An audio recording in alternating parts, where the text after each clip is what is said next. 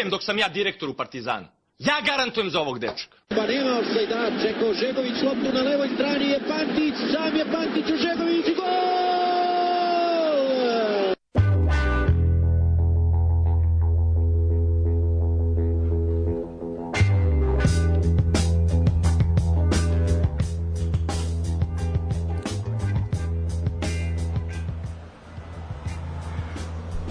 Dobar dan i dobrodošli. Posle evo koliko tri nedelje pauze, vraćamo se polako vreme. Moramo pripreme su počele, moramo i mi polako da ulazimo u formu, da ispratimo novu sezonu a, našeg najelitnijeg klubskog fudbalskog takmičenja. Ove tako da eto malo smo odmorili, kao recimo smo odmorili i sad se polako polako pripremamo pošto smo bojica, ovaj ako sa stomacima do zuba, naš gost je ovaj danas večera svakako fizički najspremniji ovde u studiju. Ovaj ukratko samo nećemo dužiti zaista ovaj velika čast i veliko zadovoljstvo predstaviti čoveka koji je ovde sa nama. A, kao klinci smo ga i Nikola i ja pratili i što ga dovodili u menadžeru i gledali i uživali pogotovo u Hajduku iz Kule. Posle je postao jedan od naših igrača koji je obišao najviše klubova i po i najviše kontinenata. Mislim da je samo Kaluđerović na više kontinenata od njega igrao. Ove, tako da od Vrbasa do Kule, pa onda Hong Kong, Gruzija, Slovačka, Rumunija, Libija. Slu, ma sve, nije Libija nego Liban. Liban, da, nemoj Libi da je bio, ne bi se možda izvukao, ali bio je Egiptu, tako da je bio blizu. Ovaj, ne, zaista svuda, ali sve na tenane ćemo onako to istražirati, ovaj, jedan onako futbalski globetrotter, veoma, veoma nama velika čast i zaista zadovoljstvo Nikola Komazec je večeras sa nama u gostima. Dobrodošao. Dobar dan, prvo bi, vas, prvo bi vam se zahvalio, momci, hvala vam puno na pozivu u vašu emisiju, pozdravim sve slušalce i hvala puno na jako lepom uvodu i lepim rečima. Pa evo, sad reci nam, uh, pripreme su u toku, počeo si, vidimo u formi si, zaista lepo izgledaš, iako se to ne vidi sad, ali evo, mi ćemo. hvala, Verujte. Hvala, hvala puno, hvala puno. Ovaj, pa počeli su pripreme već klubovima, svi su krenuli, ali ovaj, ja za sada još nisam, jer još nisam rešio situaciju sa gde ću, u koji ću klub, tako da ovaj ali treniram naravno individualno sa svojim trenerima i spremam se za nova iskušenja. Evo vidi, reći ću ti ovako, nas slušaju u Vojvodini, TSC u Čukaričkom i u Kragujevcu, Radničkom, tako da uh, ako budeš dobar večeras, možemo ti nešto srediti. Pa I, i u Lazarevcu. I u Lazarevcu, da, Pa da. koliko ste me nahvalili, verovatno će posle neko da me zove šalu na stranu. Ovaj, ovaj, hvala vam puno, zaista je zadovoljstvo što ste me zvali i, i sigurno da ćemo imati dosta tema da pričamo. Kako ne, zaista impozantna fudbalska karijera, ovaj koja još uvek nije gotova, ali ovaj ali svakako je i da i da se završi. Jel bi ti bilo žao nečega? Pa ne bi, iskreno ne bi, e, ovaj, prvo da vam kažem, ono neće završiti, da zaista sam, zaista sam jako mot- motivisan kao i pre, kad sam imao i 20 godina, znači pre 15 godina, tako da e, sigurno da sam isto motivisan, čak možda i više i ovaj, imam želju da što duže igram futbal, jer ovo sad sve ostalo što dolazi je neki bonus u karijeri i nadam se da ću još dugo da trajem na terenima. Mislim da je negde najbolje da Nikola krenemo od početka. Pa evo imam ja imam da. ja odmah Ajde. pitanje za sam početak vezan za Kulu za probaju prvi tim i jednu veliku legendu ovdašnjih terena koja te je dočekala u prvom timu, a to je Dejan Osmanović, što bi jedan novinar rekao tatko na futbal. Pa je ovako, prvo da kažem, e, e, prošao sam sve mlađe selekcije ta Hajduka iz Kule, igrali smo one kvalitetne lige e, Srbije sa najboljim omladinskim ekipama, s Partzanom, Zvezdom, svima i tu sam nekako skrenuo pažnju svojim golovima, treniranjem, kvalitetom. I e, ta, e, prvi put sam pozvan da trenera s prvim timom, to je bila velika čast i zadovoljstvo. U to vreme po meni je bio mnogo veći kvalitet igrača nego danas, to je moje mišljenje lično e, igrači su bili tehnički obučeni i mnogo veći su majstori bili nego da. Samim tim i fudbal je bio drugačiji u to Samo reda veličina, to je neka Da. 2005. godina, recimo. Pa ako tako. se dobro sećam, tako 2005. godina i ovaj dobio sam neki poziv, tad je bio trener jedan čovek koji je bio strašan stručnjak koji je nekad vodio Obilić Crvenu zvezdu Milu Ljubostović. Ako verovatno znate koji, koji je bio strašan stručnjak, koji je bio onako i rigorozan i on da skreneš pažnju na, na, na, na da, kod njega da skreneš da skrene pažnju na, na da, da, da te on zove u prvi tim baš si mora da zaslužiš. Tako da ovaj on me pozvao i onda sam trenirao sa njima igrao sam jednu prijateljsku utakmicu pred Crvene zvezde tad. Znači vatao sam kad igrao Marijan Marković Nikola Žigić prijateljsku neku na Marakani. Ja znam da sam baš bio onako sitan i onako bilo mi je ono wow, na, to mi je bio prvi izlazak na Marakanu pred praznim tribinama sam vidio neka prijateljska. Tako da kod Miloljuba Ostojić sam faktički bio pozvan na trener međutim on umeđu vremenu dobio otkaz ili sam dao, ne mogu da se setim.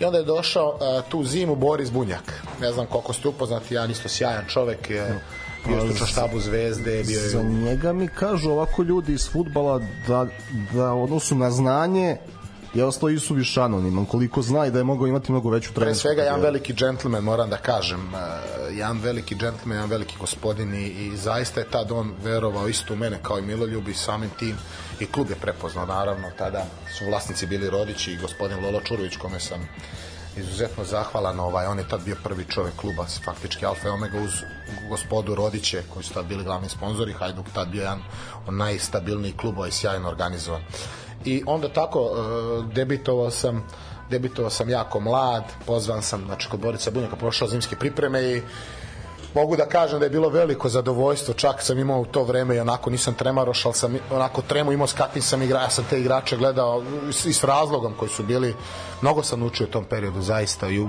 što se tiče ponašanja i na terenu i van terena, tako da i napomenuo bi odmah da kažem i Dejana Osmanovića, neverovatan, neverovatan igrač, a sad neformalnom razgovoru spominjali smo s kojim sam, ovaj, koji su najbolji igrači, njega bi dodao, znači da, on je među neka tri najbolja igrača s kojima se igrao zaista nešto, to je ljudi nešto neverovatno. Onda je da je shvatao futbal ozbiljnije, on bi ja mislim zaigrao neku špansku ligu top 5-6 klub. Znači to je evo ljudi koji su igrali protiv njega, gledali ga, koji su trenirali sa njim mogu da potvrde. To je nešto, to je od, od Ali Boga jeste čudno zaista da nije ostvario neku veću karijeru, misli s obzirom na kvalitet. Tako je, on je imao, znači on je legenda Hajduka, posle igrao malo u Bežani i bio išao u špansku ligu brazilsku gde kažu bio najbolji igrač. Međutim verovatno ga je nostalgija od to vreme e, vratio se u kulu, ubijala ga verovatno tako mislim koliko se sećam, ako se dobro sećam. Bio je sjajan prema nama mlađima i meni. Onda smo zaista i dan danas se kuckamo na Facebooku zaista tatko na fudbal kako su ga zvali ovaj jedan neverovatan igrač to je ljudi ja ne mogu da vam opišem šta je to to je on bi bio reprezentativac Jugoslavije. Znači on je bio level tipa Save Miloševića, Mijatović, kakvi su ljudi napravili karijere, ti vrhunski naši napadači za njih 30 godina. E on je mogao lagano po kvalitetu, ali nažalost mentalitet baš i nije bio baš profesionalno što bi se rekla, rekao i onda nije dosegao te visine. To je neki najveći razlog, ja mislim. Pa da, dosta, dosta... smo mi bili mali, izvini, kaže reci. On je uvek ono, ne znam, gol, kola, pot, skola, uvek ne, da. ne uradi nešto. Ja ću vam nešto reći, ovaj, ja sam kao klinac, ja sam iz Crvenke, inače, e, iz Crvenke mesto pored Kule, da, da. koja je dala dosta super, i dan danas daje u ovom trenutku super Znači svuda piše Vrbas. Da, u Vrbasu sam rođen, mi smo svi rođeni u Vrbasu, ali ovo, ja sam Crvenčanin i to ponosni Crvenčanin. Ja živim u Novom Sadu, ali u Crvenki sam ta relacija, tamo su mi roditelji. Tako da, ovaj, ja sam kao klinac sa ocem dolazio da gledam Hajduk ono vreme kad su bili tad baš super liga, ja sam tad onako bio neki pionir. Još nisam prešao u Kulu, tad sam trenirao Crvenki i onda u pionirima nekima sam. Ja sam onda da čekao svaki drugi vikend da gledam Hajduk iz Kule samo zbog Dejana Osmanovića, ali zaista. I onda kad sam prešao u Kulu, molio sam prvi, onako mi dečaci nismo voleli da ovaćemo loptu, ali meni je to bilo zadovoljstvo. Ja budem tu pored terena, ne na tribini, nego, nego to je nešto nevjerovatno i onda ja budem dođeti Partizan tada s legendama Zvezda, Obilić, E, ne znam, nijako budućnost Podgorica, sjajni igrači bili. I onda ja tu stojim pored terena, ja se tu namestim i onda ja gledam kako se ponašaju, šta pričaju. Zaista, onako, Ma neverovatno i čak mogu reći da Dejan Osmanović je jedan od razloga zašto sam se ja još više onako verovali ili ne za fudbal zapalio što bi se reklo. Pa da, evo baš sad na putu do studija ovaj, sam prolazio pored onog kompleksa terena na sajmu tu Novosadskom mm. i gledam klince kako treniraju, to su zaista neki petlići i tako nešto i kad pogledaš, znaš, njih 20 trči u krug sa trenerom i ti kad vidiš od tih 20 klinaca svaki nosi dres nekog različitog kluba, da, da. ali je na primer samo jedan, jedan dečak nosi Partizanov, jedan Zvezdi. Znači sad nekako i to vreme se promenilo, znaš kao, koliko sad zaista ima neki klinac koji sedi u Vrbasu ili u Crvenki ili ne znam u Futogu ili u Veteni koji kaže e tata ajde vodi me na Vojvodinu ili vodi me na Hajduk ili nešto, znaš, to je zaista je to neko onako te, malo je to teško sad zamisliti. Ali objasniću vam zašto onako, mislim da je najrealnije, zato što se futbal menja. Zato što se futbal ne sa- pre 15 godina kakav je bio, sve je bilo drugačije, više se, mislim, tad je bilo na fiziku, moraš da budeš spreman, da budeš zver, što bi se reklo. Ali ovaj, sve je manje danas poteza u futbalu i na vrhunskom nivou, čak i, i ovim nivou naše super lige, ti ne vidiš sad neke poteze peta, svi igraju nekako jednostavno na fiziku, trkački, e, taktički, e, su obučeni, mislim, više se na taktiku i fiziku bazira futbal nego ono vreme kad si igrao s Osmanovićem, Milanom Davidovom, Uroš Predić, ako se sećate, to su bili, to, to, i, i svaka ekipa imala od Banatskog dvora, od budućnosti, od Zvezde, Partizana, ne pričam, svaka imala po dva, tri. Sad su generalno, kad ti gledaš svaka utakmica je generalno lista, odeš da gledaš Vojvodina, ne znam, Voždovac, e, Radnik Surdulica, Lučani, to su sve uglavnom slične utakmice, ti ne vidiš mnogo poteze, ako su ima dobrih igrača, u svakoj, imamo mi dobar kvalitet naša liga, sigurno, i svaka ekipa ima dobrih, ali nije to više taj futbol, menja se, mislim se menja, onda samim tim ti klinci, se više sad gledaju i moramo da kažemo i ova tehnologija. Sad klinci gledaju po Instagramu Neymara, Mesija, Mbappea i onda nose njihove dresove, što je logično. Nekad ja, ja sam imao dres, ne znam, Saša Ilića, Partizana, imao sam dres, ne znam, iz Zvezde, kog sam tad nosio, ne mogu da se setim.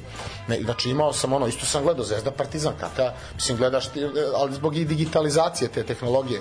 Mislim da sad ti klinci imaju, je, dostupnije. dostupnije gledaju Instagram i onda vide Mbappea, Mesija, a nekad ono nisi imao prenos Lige šampiona, imao si jednom u mesec dana gledaš RTS-u kad smo bili klinci, mislim. I, i mislim da je to jedan od glavnih razloga da se futbal i promenio, a samim tim i digitalizacija, odnosno tehnologija da je to sad napredovalo i da je klincima dostupno. O, jesi dres Saša Ilića kupovao kao klinac ili si ga razmenio kao igrač? Kupio, kupio sam, nisam, posle nisam, e, imao sam jednu priliku u Rumuniji, kad sam igrao, igrali smo Partizan neku prijateljsku, ja ga zamolio, međutim oni su brzo otišli, ali znam ga ovako i lično, poznajemo se onako preko nekih ljudi, mislim, nisam u kontaktu, ali mislim šta pričate u saletu. Ali ovaj, ono, eto, to su razlozi neki zašto klinci nose po meni, mislim da sam u pravu. Pa ne, definitivno, ali znaš kako to je koliko se zapravo to neko vreme promenilo, jel? Ono sad oni matorcinški kako je, u naše vreme je bilo bolje. Ovaj, ali zaista je to da, drugačije, znaš, i koliko je to koliko je zapravo, eto, imamo, evo moramo pozdraviti sad ovaj našeg najmlađeg slušaoca, ovaj naš mali Dimitrije koji sluša našu emisiju, ovaj on je osnovnoškolac i on ima želju da sa nama ide u Topolu gleda TSC. Pazi, to mu je želja. Bravo. Znači, kao, e, to je sjajno. je to. To je sjajno. To je sjajno. Ali, ali vidite, e, sigurno da, eto sad, e, verni vaš gled, e, slušalac, sigurno da ovaj, nije to bez razloga, to se skrenuo pažnju, mislim, Tako je. zadnjih par godina se pojavio sjajan i mi imam par drugara koji igraju tamo i znam kako se radi.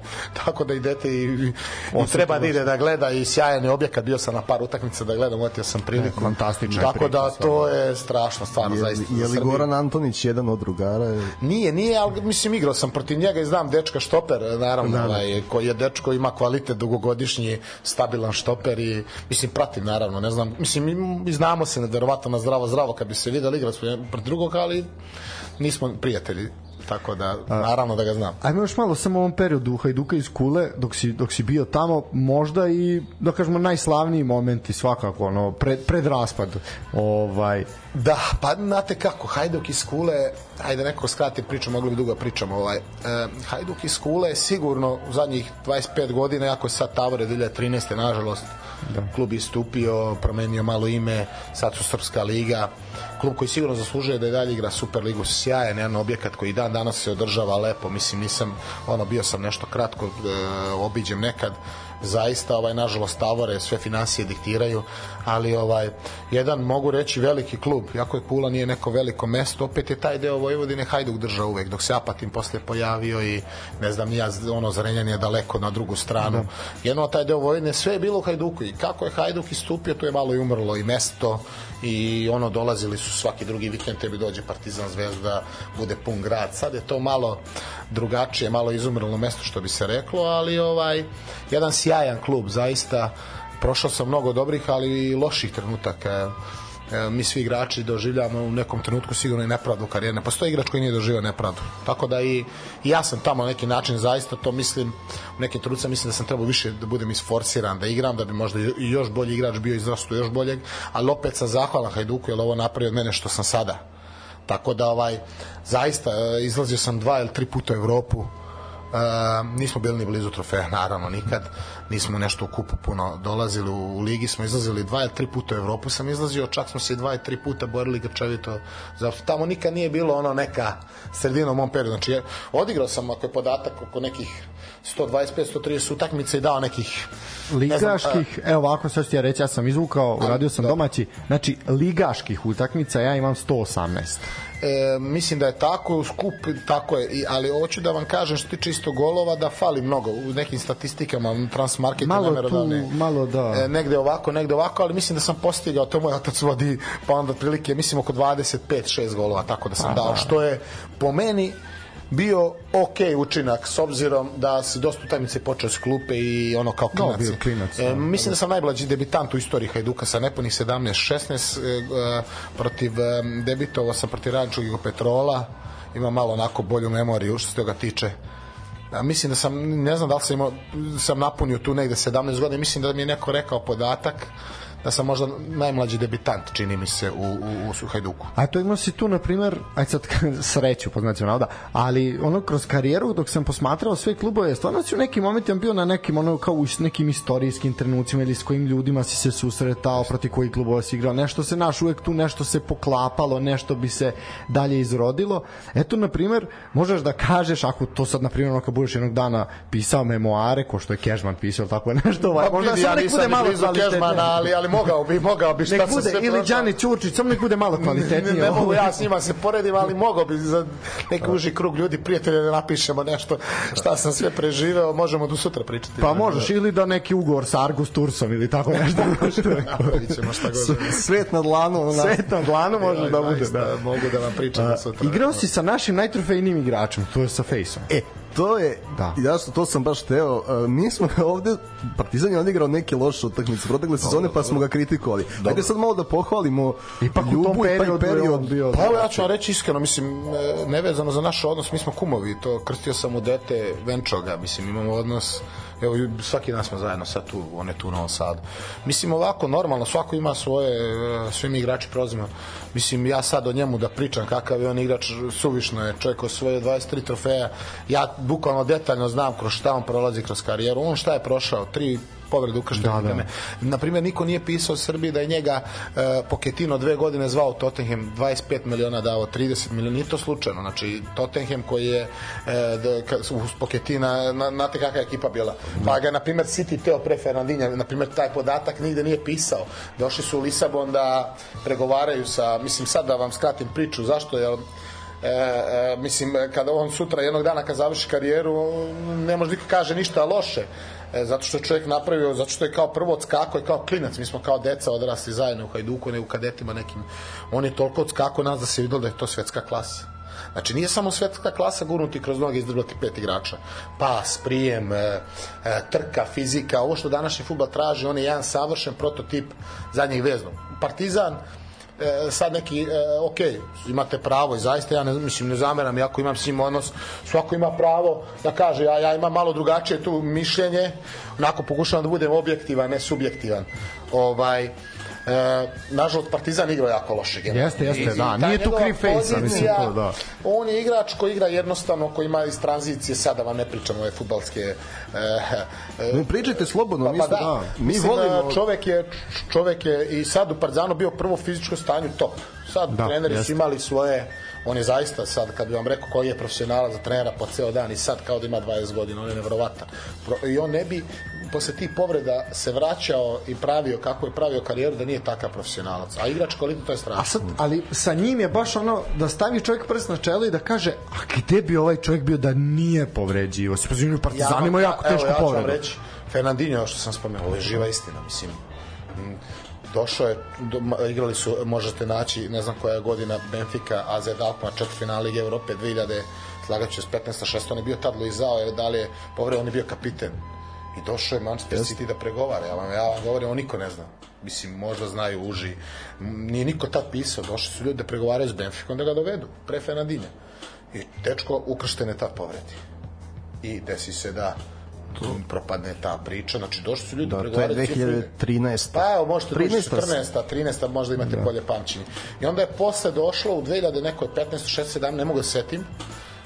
Došli su ljudi ovaj Tottenham Pochettino i, znači da, slao 25 miliona nego one druge 300 je pisalo u svim medijima u u Lisa u Portugalu, u Londonu možete ući na Google da proverite isto naravno sad ove mreže, sve, ove, na Google sve možete proveriti, znači i to ima zvaničan pone, međutim gazda tada ovaj kako se zvao gazda Benfike Brko koji je napustio nedavno klub je ovaj ni odbio sve ponde za njega sve mogu, možete da kupite samo Ljubomir Fejsno. Eto koliko je on bio bitan u jednoj Benfici. Ja sam išao gledao tak Benfica je kao Real Madrid ljudi, mislim. Da, to je top 10, top 10 najveći klub na navijačima, trofejima. Neverovatno nešto je stop da. i onda i onda dođe u Partizan da desi se ja razumem i uopšte ne zameram nikom ja sedim ne ne sad, sad da ne ispadne mi ne zameramo mi njemu ništa niti bilo ko de facto nažalost nije on mogao da izdigne taj Partizan niti bilo da, šta da. niti je to od njega očekivano da. ali ti sad kad pogledaš oni su svi generalno imali lošu sezonu mislim jeste pa i on su mislim uh, on je igrač koji znači opet nećete vidjeti završi pas od njega nećete vidjeti da će on prečku pogoditi gol rašlje on, on da jedan gol po sezoni ili u dve on je defanzivni vezni koji igra najjednostavniji mogući futbal koji ima sjajnu anticipaciju, predviđanje, koji, e, evo reću vam, ako se sećate kad smo igrali sa Švajcarskom i na svetskom prvenstvu, ali ne ovo zadnje, nego ono prethodno. I bio je u gostu emisiji posle utakmice Plavi Stevanović koji ga je trenirao, da. koji je rekao, znači, fali je jedan igrač koji ima e, promenu pravca, koji je hitar, koji ide agresivno, koji nije tempaš, on nije tempaš. Iako deluje kad ti sa... Nije, on ima te šprinter, ima, on ima najviše odzetih lopti dve godine. Sam pričam o njemu, da vam skratim priču. Uglavnom, da. čovek je, mislim, e, žao mi je što što postoji neka vidim ja kritike čitam ja pratim medije on to toliko ne prati mislim sada ja pričam o njegovima ali zaista ovaj mislim da nije razlog, bez razloga toliko iskritikovan. Generalno cela ekipa i ti se uklopiš. A možda Sigurno to neko da. Nemanju Mače, možda bi se on koji je sjajan, strašan igrač, svetski igrač koji dalje igra na vrhunskom nivou, možda bi se on uklopio, verujte mi, jer pozicija zadnje veznog je nezgodna. Ako imaš lošu ekipu, mislim lošu, nema može Partizan biti loš, ali loše igrao celu sezonu generalno nekom sivilu su bili, da. da nije lako ni njemu da ispliva iz toga da on, wow, neće samo uzeti loptu, izbrati pet igrača i dati nathod Ricardo Egon. On je igrač koji igra najjednostavniji mogući futbal, ali on je u tome bio dve godine zarad najbolji od, najviše oduzetih lopti i pretišani kilometara u Ligi šampiona, ne znam. Ma naravno ne, mislim, malo šalimo sada prošle naravno, liga, hvalili smo ga i, ja, i da, evo, da, ja, evo moje pitanje odmah za tebe. Da li ovaj, razumevanje igrača poput Ljubomira Fejse odlikuje nekoga ko razume futbol? Tu vidiš osnu, Tako je. Površnost i neku dubljivanje. On baš vidi, mislim, predviđanje, to, to je najbitnije futbol. Ti predviš pogod njegove pozicije, on koji je defanzivni vez. Znači, šta je njegov zadatak? Da tranziciju brzo ima, da primi loptu, da odigra, da uzme loptu, da on ima oduzeti 5, 6, 10 lopti. Jako je teško oduzeti u današnjem futbolu na vrhunskom nivou svi vezni, oni majstori 10, kako ti da uzmeš loptu ovome, e, Berna, ovome, Bernard Silva, ovome. On ima, na primjer, po utakmici je po 5, 6 oduzetih lopti, to je neverovatno. U Ligi šampiona, da ne pričam portugalskoj ligi. Tako da, mislim, e, i hoću da vam završim priču šta je rekao Plavi Stevanović, je rekao, falio nam je jedan igrač protiv Švice kao Fejsa, koji će da uđe ovim u vezi, da ih rastori, da, da uđe hitro, da, da preseče loptu, tako nam je falio da, da, da bi dobili. I onda mi se ta svidela analiza i to sam zapamtio. Baš ono, mislim, tako da, a nisu ga poveli na svetsko, odigrali 70% utakmica u kvalifikacijama, yes. 70% da, i on nisu. je pozvan, pozvan su neki klinci koji su danas top igrači od ne znam ni ja, da, Rujića, Radonjić koji su vrhunski igrači, momci, ali tada oni su bili malo iznenađeni na spisku, a ne povedeš tri, četiri igrača koja koja su ti igrali kvalifikacijama. A zašto je jedan selektor bio kvalifikacijama, a drugi na prvenstvu. E, da. posle, mislim, e, hoću to da vam kažem. Tako da, meni je žao samo što nije još samo to fali sve je igrao da je još igrao svetsko ali dobro moj tri proti Krstajić Krstajić je veći bugarin nego svi bugari Do, da. čovjek je to izjavio vrhunska izjava dobro, dobro. ne.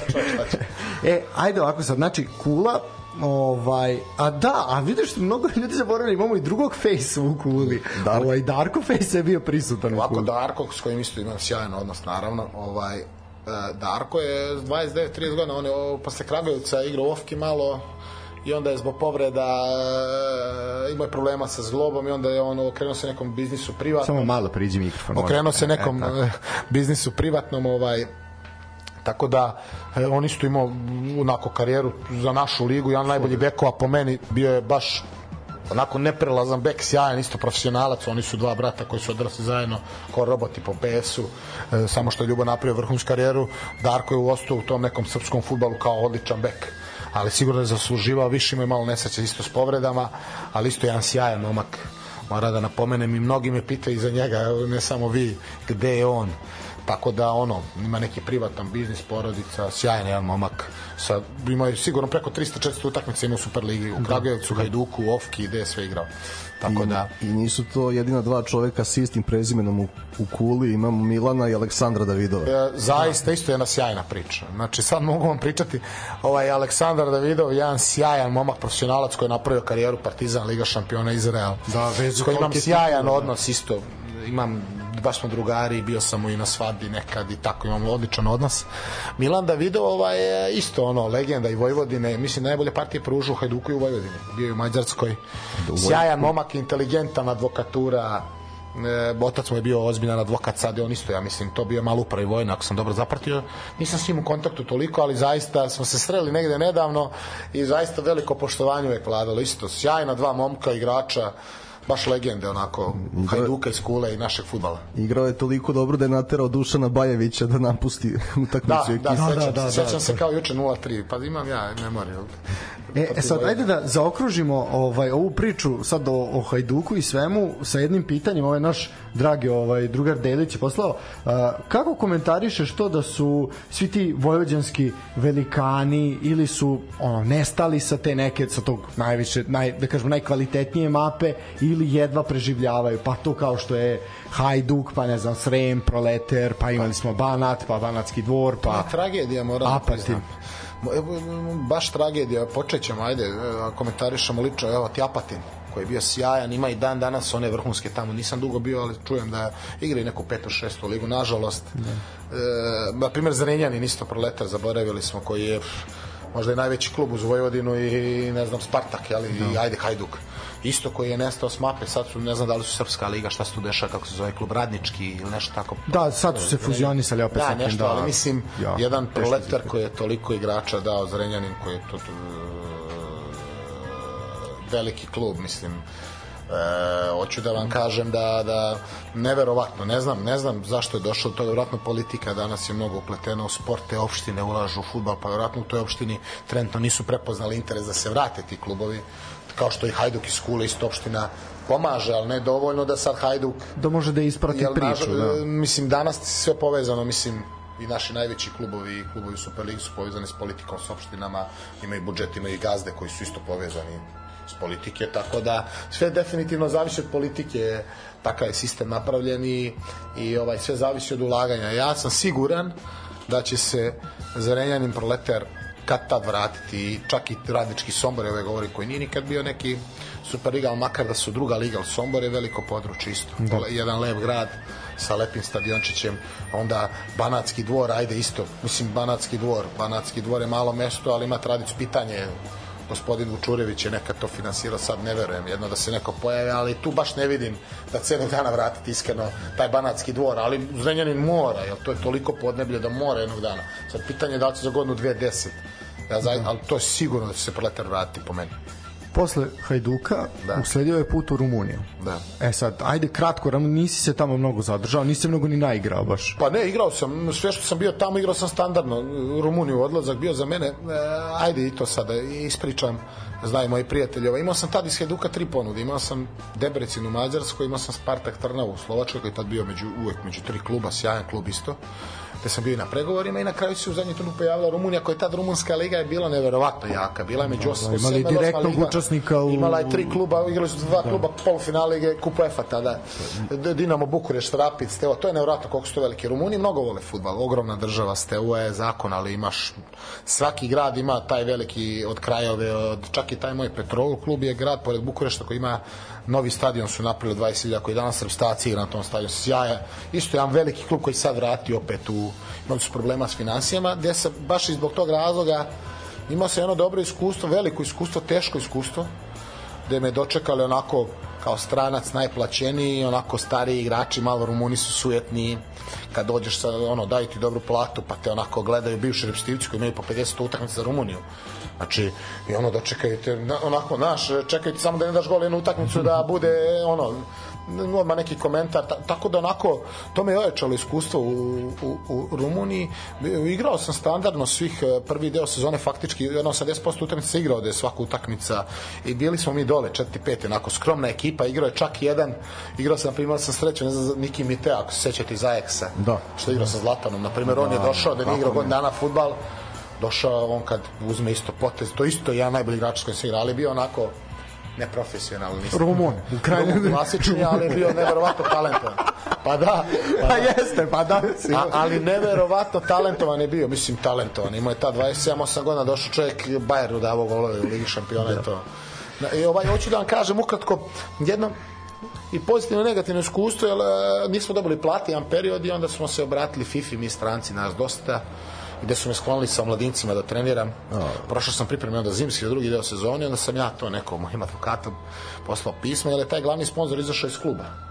I da skratim priču, e, sklonili su me da treniram s decom, ja sam to snimao, treninge i tako dalje, sad eto pričam to, da ne davim. I onda sam faktički negde u februaru napustio klub. Znači, taman pred početak prvog kola, drugi deo sezone protiv Vasluje, gde je tad Borjan branio, za Vasluji, da, bio Milan Borjan. I ja tu utakmicu nisam igrao, jer sam klub poslao pismo pre tužbu i oni su mene sklonili. I onda sam se ja spakovao, otišao kući, imao sam pravo da odem kući. I onda sam tri meseca trenirao tad kod Tomislava Sivića s Hajdukom iz Kule. Trenirao, održavao formu i čekao onda sledeći transfer gde sam otišao posle u Maribor. Ajde, ovo Tomislav Sivić. Da. Dosta ga ljudi, dosta ga ljudi kritikuje, a mi ga ovde branimo kao ipak neko ko Pa vidi, ja znam čoveka lično i nekad se kuckamo, mislim, ono, nismo toliko bliski, ali ja mislim da je on baš dobar trener, dobro, svako ima mišljenje. On je dokazan i u Mađarskoj, napravio veliko ime tamo, vodio je u veliki klubove tamo, nije vodio, ne znam, Ferenc Vašto, ali vodio dobre klubove, prizna trener, jedan gospodin, isto onako džentlmen, I njegove ekipe uvek žele da se nadigravaju. Pa da, pa on je ono krivo mi je bilo, sećam se, pratio sam, nisam ga ni pitao, ja sam jedno bila glupa, je pitam, mislim, e, bio je reštaciju odveo tako šta je bilo na evropsko, pa mislim, eto, to je naš futbal. Ali eto, on sad tu, vidim da je napravio rezultat, ostavio ligi, ne znam, ako se dobro zapratio. Lučan. Lučane. Lučane vodio isto, nekog je prošle godine isto ostavio, čini mi se da, šta je bilo, Pa, meni je dva, tri kluba. bio, a jeste, jako puno. Pančevo da. je sad vodio želje. Vodio je Pančevo, I doveo da. ih je li do vrha negde, jel tako? Tako je, tako je, pa da, ušli su u ligu. čovjek ima uspeha, sigurno dobar trener i ono, mislim da i onda sam kod njega državao i ja sam mu se zahvalio i sad sam mu zahvalan što sam mu državao ta formu ili opet isto kad ti sam treneraš i sa ekipom a tada je Hajduk ja došao kući ono čekam sledeći prelaz rok gde mogu da potpišem nisam teo ni pod razno Srbiju ja sam se ono bio mislim zastio Srbije i onda sam čekao ono bio sam mlad tad i dolazile su ponude i eto tako u Maribor sam sledeći E, priča Maribor. E sad, spomenuo si, igrao si protiv Maribora, Da. ali ovo sad bio jedna totalno drugačiji klub u, u- kad si igrao protiv njega i sad Tako je. kad si. To je Baš velika tako. razlika. ovako I to ajde. samo 5-6 godina. Da, da. Evo, sad ću vam nešto reći ovaj, kako sam došao. E, tad nisam igrao tri meseca, onda je, imao sam pondu šturma iz Graca, to niko ne zna. Mislim, može da se nađe na internetu. I e, šturme je zvao na probu, ja nisam želeo na probe da idem, jednostavno smatrao sam da nema potrebe, evo imaš CV, imaš da se raspitaš, e, vidiš da sam zdrav, da ja idem sad po probama, tad mislim nikad nisam i hteo. Međutim, ovaj, šturm iz Graca je ogroman klub, zaista ljudi, to je mislim, e, sportski centar, stadion, grad, kao Realu iz Madrida, mislim, ne kao, mislim, ono, ogroman klub. I rekao, hajde, nema šta da izgubim, tad ja na kraj pristanem, odem tamo, i e, grad Maribor je oko 30 minuta, znači ne zna to puno ljudi, oko 30 minuta je e, neki 30 minuta vožnje. Ja sam igrao neku prijateljsku utakmicu pred neke treće lige, tad igrao Milan Dudić, koji danas sam veliki prijatelj sa njim, koji je tad bio štoper pred kraj karijere, Milan Dudić, Da, koji da, je sad menadžer, vrhunski sjajan momak, sa bratom radi. I ovaj, i e, tad sam igrao za Štum, dao sam dva gola tu utakmicu, pobedili smo neku treću Lubra, razbio zaista, dali mi desetku, ja ono, ubio utakmicu i hoće mi daju ugovor. I sad finansijski uslovi su bili slabi. Da je klub Šturm bio u nekoj tranziciji u tipa finansijski problemi. I ja sam onda rekao, hajde, rekao idem kući pa da vidim ono i ostaje mi se, ali te finansijske uslove zaista minimalne neki su mi dali. Tada opet gledaš u tom trenutku i za novac, bitno ti je naravno. Ništa, ja sam otišao kući mene po poziv vamo tamo, dođe u Maribor, e, ovaj gledali me neki iz Maribora i ovo ja sam došao i, i oni su prodali nekog onog Dalibora Volaša u ne znam gde su i onog velikog u Cardiff. Treba im špit poput mene korpulentan jedan leva noga i tako dalje tačno takav tip igrača. I Zlatko Zahović tad moram njega spomenem koji je legenda i zaista sjajan, mislim on sad ne sluša ovo, ali pozdravio bih ga uvek. Poslaćemo, nije Sjajan, problem, poslaćemo. legenda neverovatna. I jako inteligentan čovek, autoritativan i ovaj potpisao sam na tri godine ugovor. Jako sam se isto nečkao lud, mislim, kao ono slovenačka liga, bolja Austrija, Šturm, jako su mi dali sjajne uslove, plus su tad Partizan Zvezda nisu mogli drugo, treće kolo, Maribor igrao Ligu Evrope, tada je, grupnu fazu toga. Znači, tada je Maribor bio mnogo ispred Partizana i Zvezde 2012. 13. Verujte mi, znači mnogo organizaciono, mislim, veličina kluba ne može da se poredi, naravno, ali su bili tad u već u tom trenutku preteča svim ovim klubima što su sada, kao što je TSC, Pa, što su tu je tranziciju izvršili ranije zapravo, Tako je. da. e, i- ali oni su u, u periodu, da sam da priča sa Zahovićem, oni su u periodu kad su ovaj E, oni su bili jako loše situacije kad su igrali s nama, s Hajdukom, ta 2000 koja je godina bila, znači... Pa i oni su s nešto, pa da, a nešto malo pre toga su i s Partizanom igrali Jeste, isto s na Partizanom dvomeč, jedva, da. sećam se, jedva su nešto Partizan jedva prošao. da, ono od Ita. Kad je, Jeste, da. jeste. I ovaj, oni su tad bili baš u lošoj finansijskoj situaciji, dugovi. I da je to preuzeo Zlatko Zahović, okupio su ljude, pravi Mirana Pavlina isto doveo legendu, koja je isto legenda, pravi čovjek.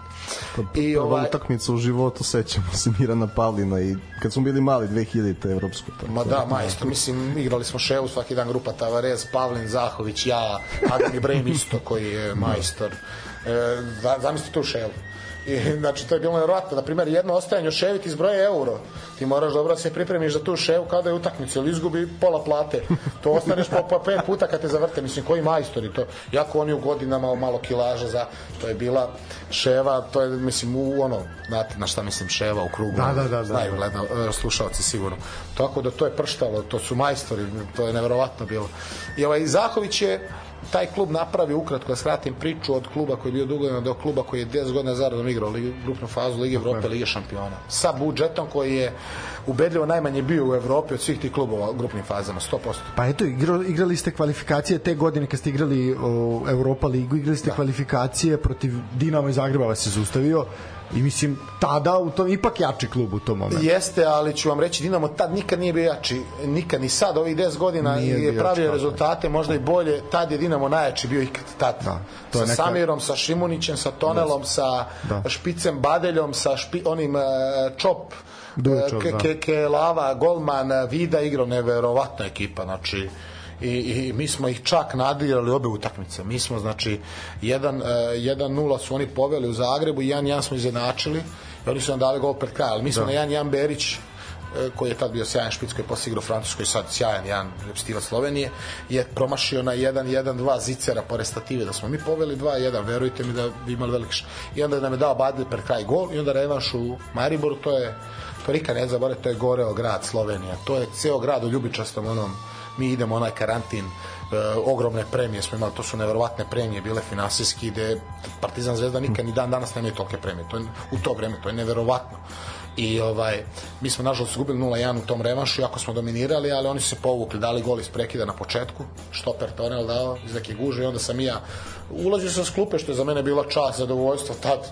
Ulaziš s klupe u play-offu Lige šampiona e, protiv jednog Dinama pred punim stadionima, to je bilo za mene veliki stepenik u karijeri sa takvim igračima i ovaj nažalost nismo ušli ali smo automatski prošli u Ligu Evrope. Ligu Evrope. I to pa ozbiljna grupa. Lazio, Tottenham, Panathinaikos. Neverovatno, neverovatno. Tottenham, koji je jedan od mojih omiljenih klubova bio uvek, ovaj, ispunilo mi se želja kad smo gledali žreb igrače, ako samo Tottenham izvučemo Tottenham. Meni nije bilo sreći kraja. I ovaj, sjajna je isto grupa Panathinaikos je onako bio 3-0 smo i dobili kući, tamo su nas nešto isto 1-0 krađa ozbiljna bila. Ne mogu sad, je li igrao Bale tada? Jeste. Mislim, je li igrao, ne, ne. znam da je bio u klubu, nego igrao igrao je obe utakmice. Igrao Sigurdsson, s kim sam menjao dres. Na dopingu smo menjali dres. Sa dva sata, ono, Da, kako se ljudi zbliže na piškenje. Ovo. Baš ono, baš na dopingu i to je nevjerojatno, mene su samo izvlačili na doping. Ja rekao, ajde da sam ne znam šta, da letim po terenu. ovaj, a, igrali smo... Dobro, bio si brz. Mislim, Pa ne, ono, ostalo mislim, je bio, brzo, da, da. e, onako, e, nisam bio brzanjac nikada, ali sam imao određenu brzinu, nebitno.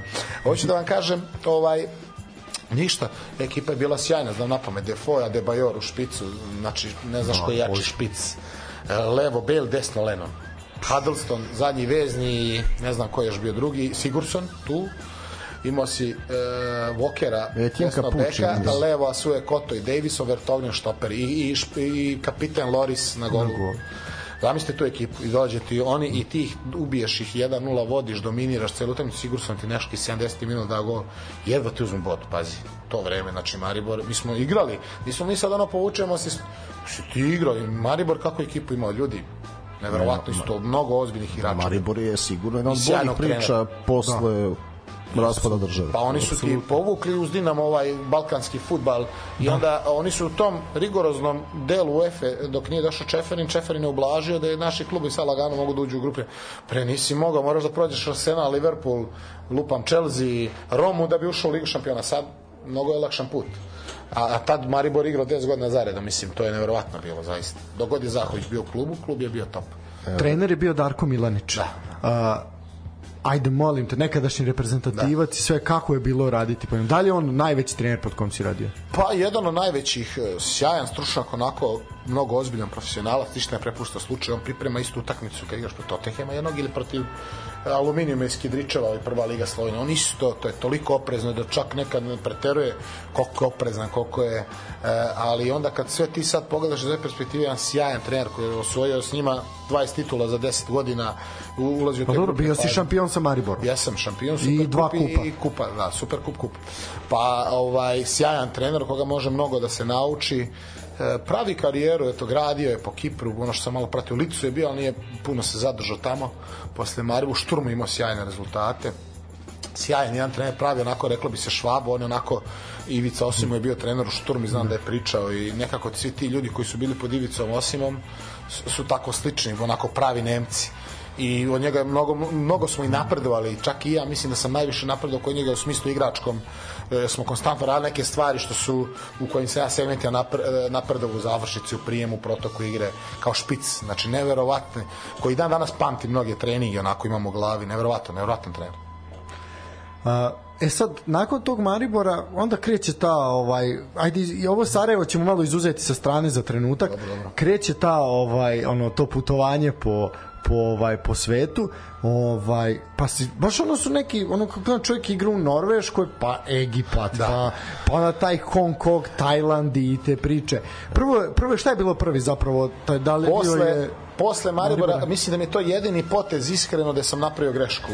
Dobro. Od svih, znači, tih sad klubova što gledate i čitate. do pola ne znamo da izgovorimo ovaj. da, nema veze, pa vidi, ljudi koji prate, koji su tu u futbalu znaju, na primjer, ja sam imao sreću da većina kluba gde sam bio su uglavnom šampioni držali bore se za Pa dobro, u Hong Kongu si bio šampion Da, da, s Kičijem, ali su uvek to klubovi koji su bili među 3, 4, 5, borba za titulu, borba, ne znam nija. I tu sam imao sreću da sam uglavnom napadao nešto. Nisam se, znači, branio, opstanak i čuda. E, I onda, ovaj, e, e, desi se da neka zima, zimski priprema, skratim priču, dobijam ponudu sa Tajlanda, koji je tad bio tek, tek je Mario Đerovski je moj sjajan drugar. Znači, Legenda. legenda najveća. To vam je, e, to vam je, Legenda. to vam je moj predlog, ja ću vam ga nekako probati dovući. To je, to, to će biti najbolja emisija, verujte mi, u, u sledećih hiljade, on vam je najbolji, ali pitanje je da li ima vremena da sad ne govorim u njegovo ime. Mario je dobrodošao. Ma neverovatan dečko, e, to je tek posebna priča. E, Mario je tamo već nešto dominirao, bilo je naših par igrača, ali nije bilo puno. Ja sam jedan od prvih 5-6 koji je otišao. I, I mislim da sam tu napravio grešku, jer imao sam 24-5 godina, najbolje godine. I, I generalno ti iz Maribora, gde sam odigrao 21 utakmicu za pola godine, igrao sam 13-14 utakmica, počeo, ulazio s klupe Evrope, ligu uglavnom počinja u rotaciji s Tavarezom Berićem, koji su dva vrhunska špica koji su u tom trenutku bili ispred mene po kvalitetu i mislim da se ne lažemo, nema šta. I prešao sam na Tajland, imao sam dve i po godine ugovor u Mariboru i Darko Milanić, ono, gotivili me svi u klubu, onako bio sam i za atmosferu i za sve i ono, bio sam bitan igrač u ekipi. Uh, dobio sam ponudu s Tajlanda koja je finansijski sigurno bila bolja, ali na godinu dana ugovor. Ja sam raskinuo, molio sam Zahovića da traži neko minimalno objašnjenje, ali on je mene čovjek toliko voleo da kaže, eto, pušću te ako toliko hoćeš da ideš, ne, ne treba nam. I ja sam s pripremom iz Turske otišao, spakovao se, klub je organizovao sve, došao kući i zapalio za Tajland, potpisao tamo u tom trenutku, mislim i sad je to među 5, 6, 7 najboljih klubova, taj Subhamburi, koji ovaj i mislim da sam tu grešku napravio onako veliku jer nisam trebao da idem iz Maribora Tajland u tom trenutku U tom periodu je Slaviša Jokanović bio na Tajlandu. Jeste, jeste, uži za Jokana, znam ili priča da ne odajem. Ovaj, Jokan je bio iznenađen koliko su loše uslovi, ali napravio sjajnu priču tamo i baš sam slušao. Mario je neki podcast napravio, bio pa je zvao Jokana. I onda su pričali, ovaj, onda u vezi toga je onako, Jokan je, Jokan je napravio revoluciju tamo, s tim Muntongom, tim klubom. Da. Uzeo prvu titulu, oni su sad tamo kao crvena zvezda, koja sjajan jedan klub. Sjajan. Tako da ovaj Koliko ti je bilo teško da se, ajde sad ovo sve, da. znaš kao Rumunija, opet da. je to negde nama blizu, Slovenija, sve to nešto slično. I sad odlaziš na drugi kraj sveta, da gde ono, kako si se privikao tamo, kako je živeti, ono, pa, kako se gleda život na... Pa na Tajlandu ti je lako se privići. Ovaj, e, pa, ono, papuče, šorc, majica, plaža, e, mislim, ono, je lagan život, e, nema stres, Znači Evropa, da sam to objašnjavao u dosta intervju, ovako kažem, uporedi Aziju i Evropu. Mislim u Aziji isto imaš tenis u smislu sam sebi da nabiješ da hoćeš da ostaneš tamo da produžiš ugovor da se boriš da igraš dobro da ti produže nije lako opstati tamo dugo. Baš moraš da pokazuješ pogotovo kao napadač. Ti moraš konstantno da igraš dobro da daješ gola da bi opstao na tom kontinentu. Čim jednu sezonu nešto ovo ono već ispadaš polako dolaze novi Brazilci Španci i tako dalje. Ovaj e, razlika je što je u Evropi ti je veliki stres u Bosni, Srbiji, Engleskoj to je stres ozbiljan izgubi se utakmica sa tamo ne, tamo je ravna linija, izgubiš, ideš dalje, e, imaš ugovor, e, ono, dođe kraj sezone, hoćete, nećete, sad ti sam sebi što nabijaš, a ja sam naravno nabio sebi, ja ono, ne volim da gubim, volim da sam, mislim, svi volimo, ali to neko drugačije sve. Tako da, ovaj, onako je jedno, Azija je neverovatno iskustvo, zaista, neverovatno, znaš.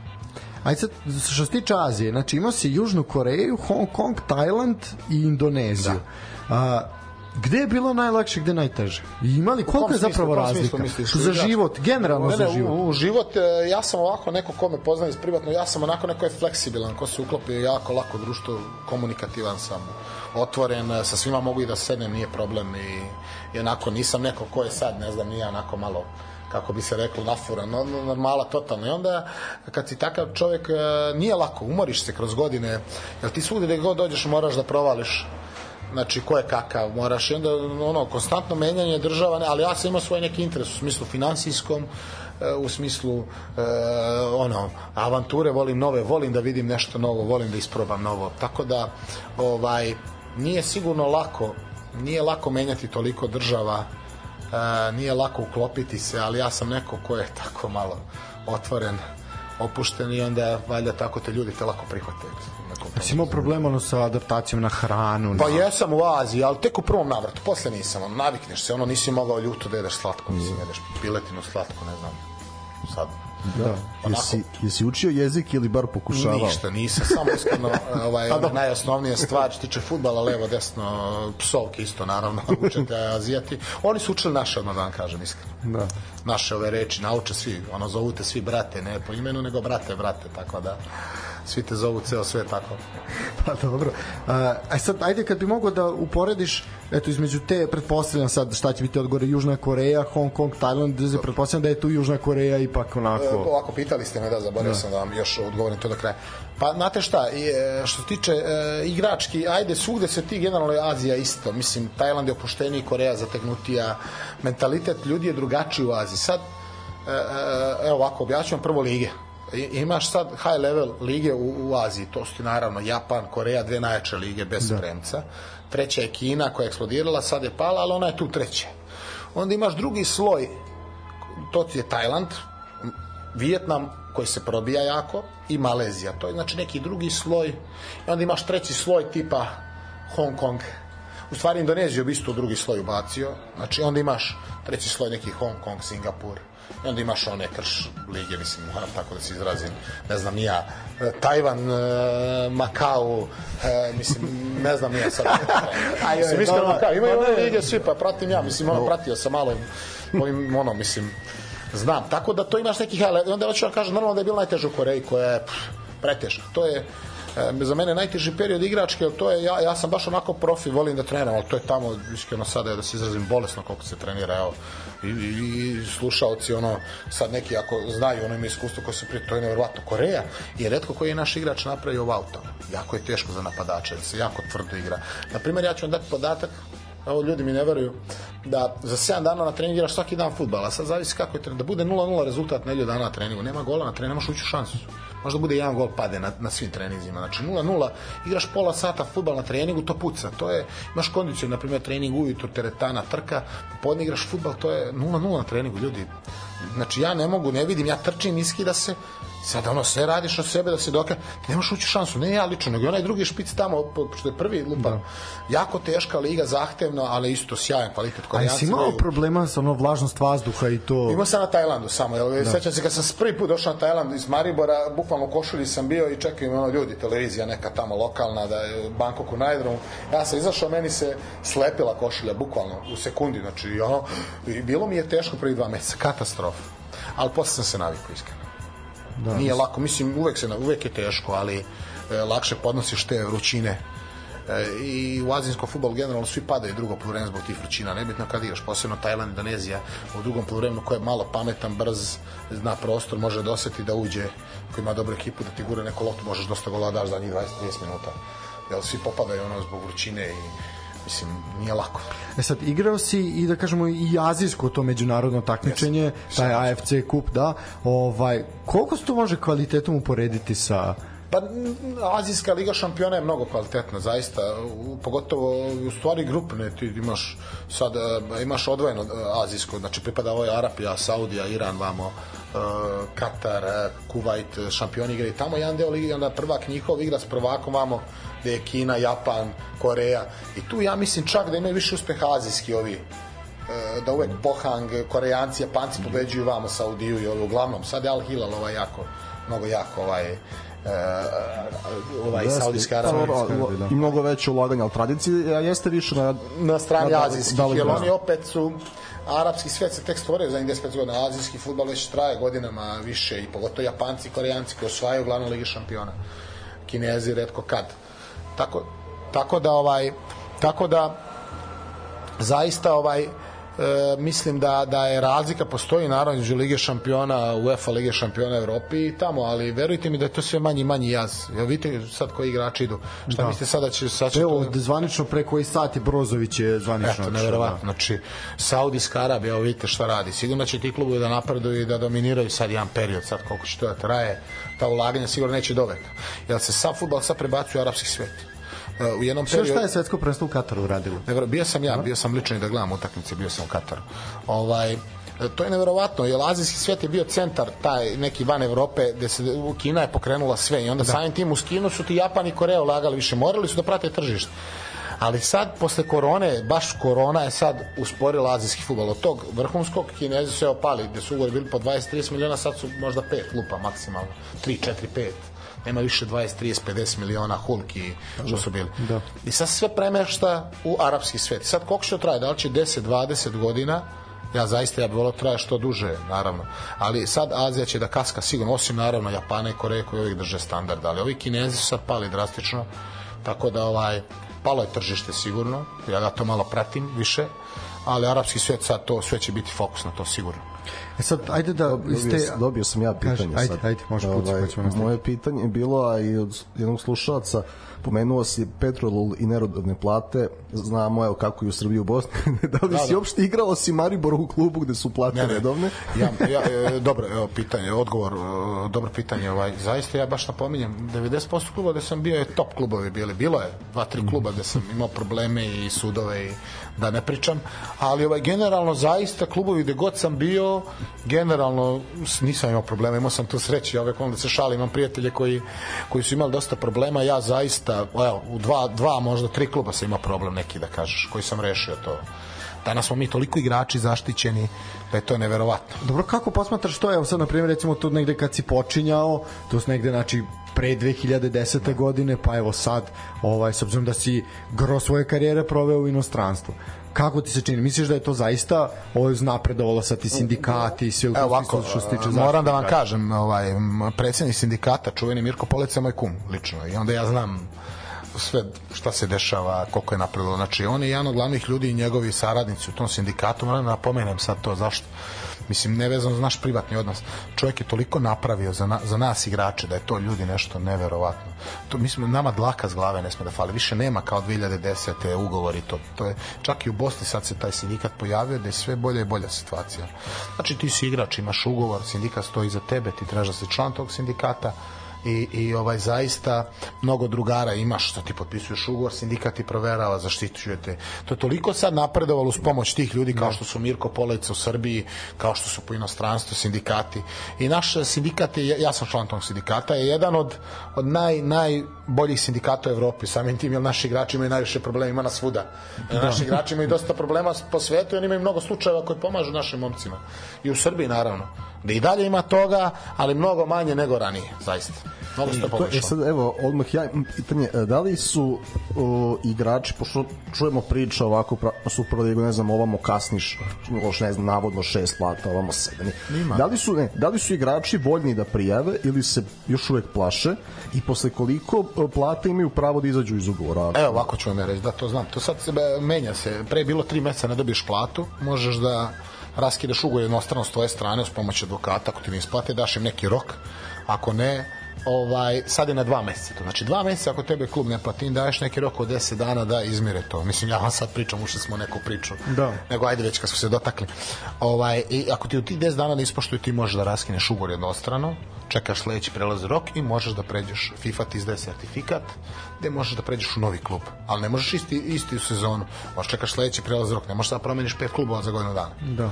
I onda ti nastavljaš taj slučaj, sud postoji, FIFA, UEFA, ne znam ni ja, CAS posle, a, a, ako treba, koji, koji e, donose odluku da li, ti, taj, da li ćeš dobiti taj slučaj i onda uglavnom igrači dobijaju 99 kogod se požal, pa nijedan advokat neće uzeti slučaj ako ne vidi da je čist, što je normalno.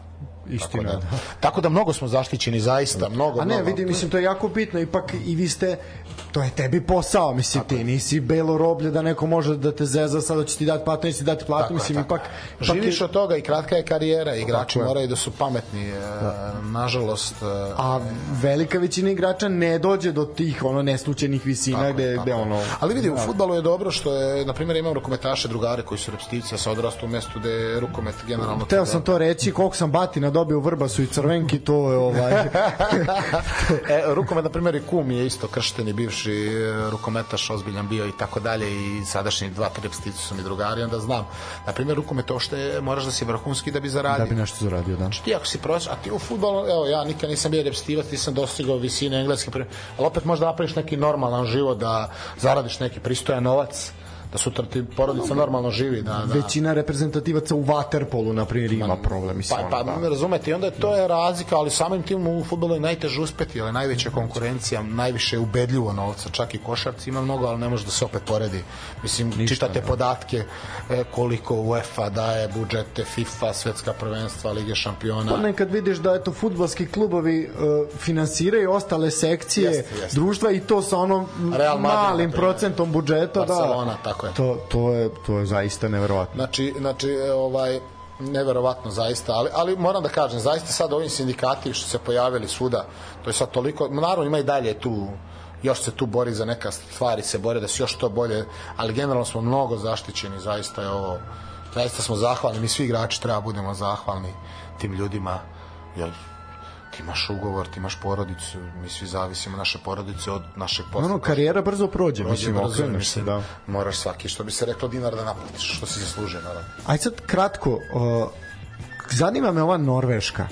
Sad iz jednog ono ajde da kažemo iz te Azije i sve gde to tako onako zna da bude Da, da, da. malo i poluamaterski i ovako i onako ipak ovaj dođeš u jednu Norvešku koja onako jedna hladna država onako u svakom smislu kako je kako je tamo bilo pa ćemo se prebaciti u Egipat I država koja futbalski ozbiljno napreduje. Da. I ispadne, ispadne sad da, da, ja, da ja nešto hvalim sve, ali Norveška, neverovatno. Znači, tamo ne možeš veliki novac da zaradiš, osim možda u Ronzeborgu, Moldevu, ali tu nisu ogromni ugovori. Ja sam bio u klubu koji u tom trenutku igrao kupu EFA, treći, Da, četvrti Haugesund, Haugesu, da. koji je bio i koji je... Se ko je koga ti ikad posjećio kladionicu zna da Haugesund uvijek dolazi 3+. plus. Jeli, ne znam, mislim, moguće, da. A, ali ovaj, hoću da vam kažem, Norveška, totalno jedno drugo iskustvo. Kao prvo, neverovatno, meni je to toliko prijelo, valjda neka promjena, ušao sam u neku mirnu luku, znači ti potpišeš dugoročan ugovor, dve i po godine, mislim, da, potpisao sam dve i po godine ugovor, e, ali u, čekaj, u Norvešku sam potpisao to je to je znači posle dobro da posle znači Sarajeva sam Da, da, u Koreji dobro ne bi to Hoćemo Sarajevo, ne ne se ne, ne posle ćemo da. Hoću da vam kažem, ovaj neverovatno uređena država, mislim svi znamo da ne priča sjajna država. Ljudi neverovatno mirni, lagani.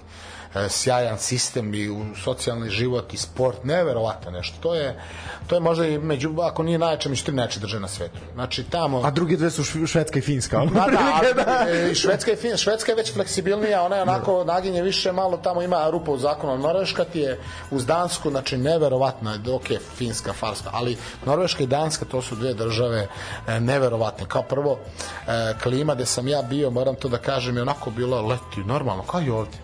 Možda su zimi malo, ne hladnije, malo više kiša ima i tako, ali generalno meni je jako prijela Norveška u tom periodu. Dobro da, znaš, ono, kao nisi bio Tromzu koji je ono gore, pa da si imao problem. Ja da. sam bio u gradu koji je 40.000 stanovnika prelev grad, gde sam uživao, gde sam stekao to, toliko naših ljudi ima nažalost kada je rad bio pa iz Bosne su izbegli dosta ovih bosanaca tamo.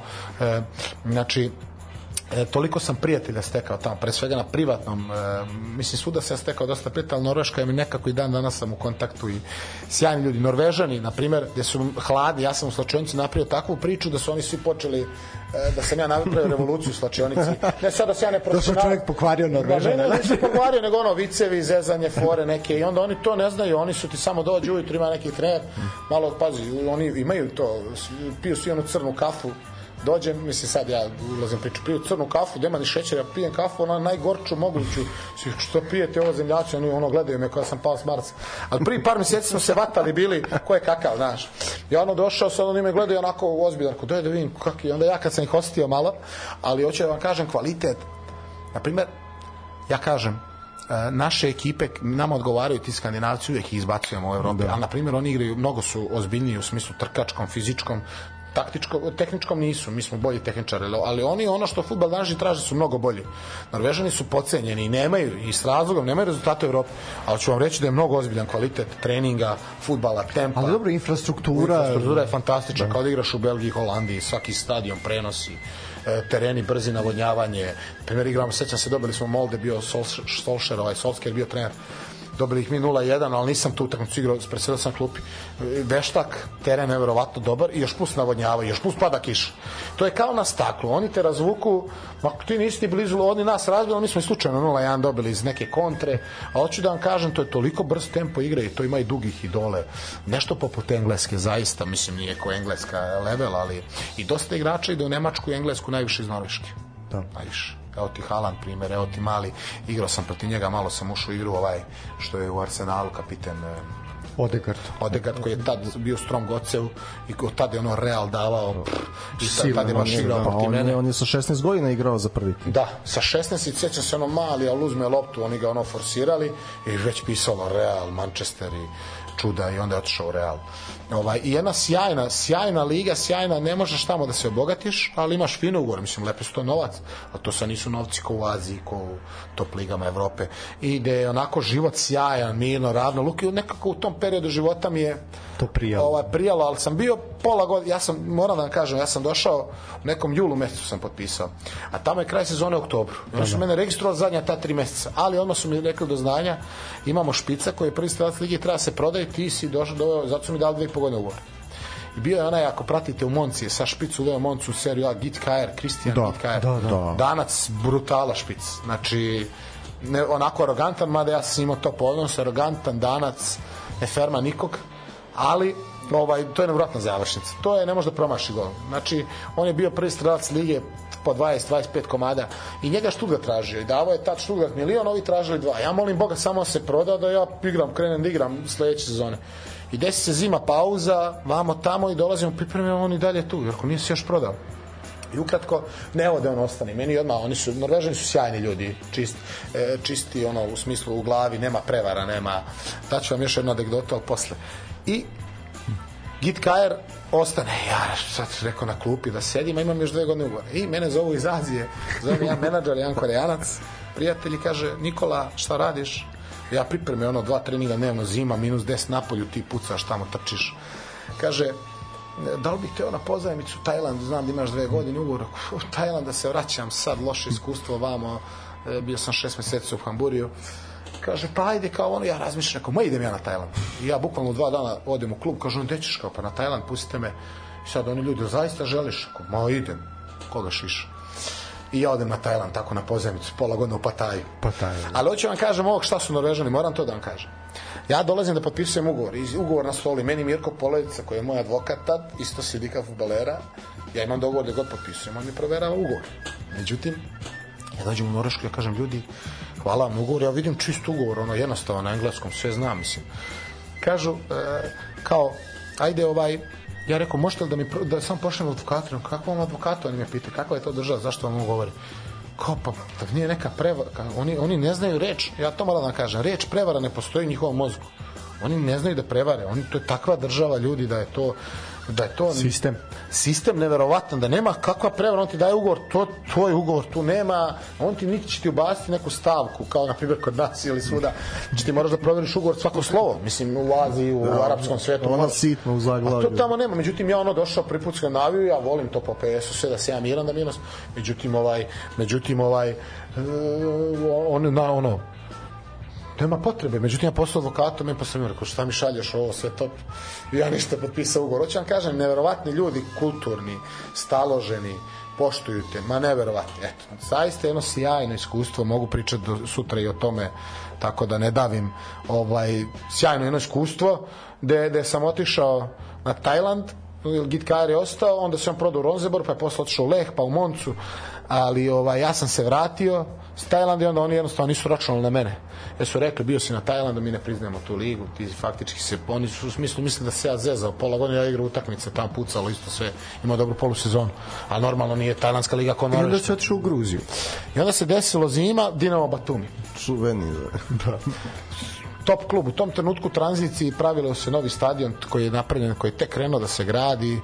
E, s, e, ljudi koji su pravoslavci, moram to da kažem, onako vole nas jako Srbe, e, jako su, ja, jedna, jako te, e, jedna država koja je jako siromašna ekonomski, jako, jako. Pa zato sam baš naveo, znači ono kao iz Norveške, koja je zaista jedna od najbogatijih država ono Evrope i sveta, i onda si otišao ono u Gruziju Pa, koja ja sam dobio sušta finansijski korektne uslove, korektne, u tom trenutku solidne i ovaj, otišao sam klub koji je među uz Dinamo Tbilisi najbolji klub uvek. Da.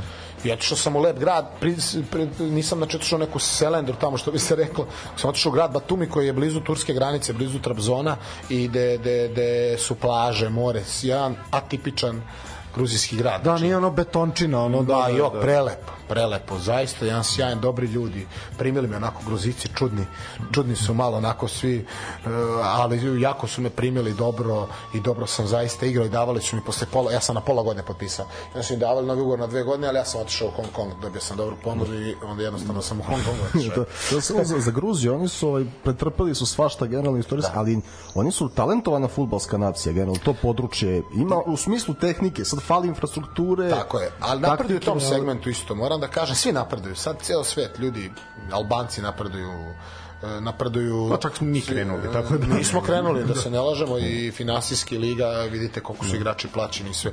Hoću da vam kažem, ovaj, e, oni su jako, baš sam o njima pričao nedavno, druga, prijateljem jednim, jako su tehnički obučeni, kao mi slični su, samo što su malo onako, kako da se izrazim, nisu toliko profesionalni, malo su taktički, ne, ne taktički, ali jako teška liga, moram da kažem. Jako se tvrdo igra, tad je bilo pola ono, klubova na veštacima, ideš, ne znam, u Kutaisi, ideš u neku Kobuleti, neko mesto na brdu, ono veštak, pun stadion, gori, gori zemlja, čekaju te ti Batumi, ono tvrdo udri, sam Tredija, ne znam, baš dobri, ono, ono, nezgodna liga, mislim, igra se dobar futbol, ali nezgodno, to se ono pršti.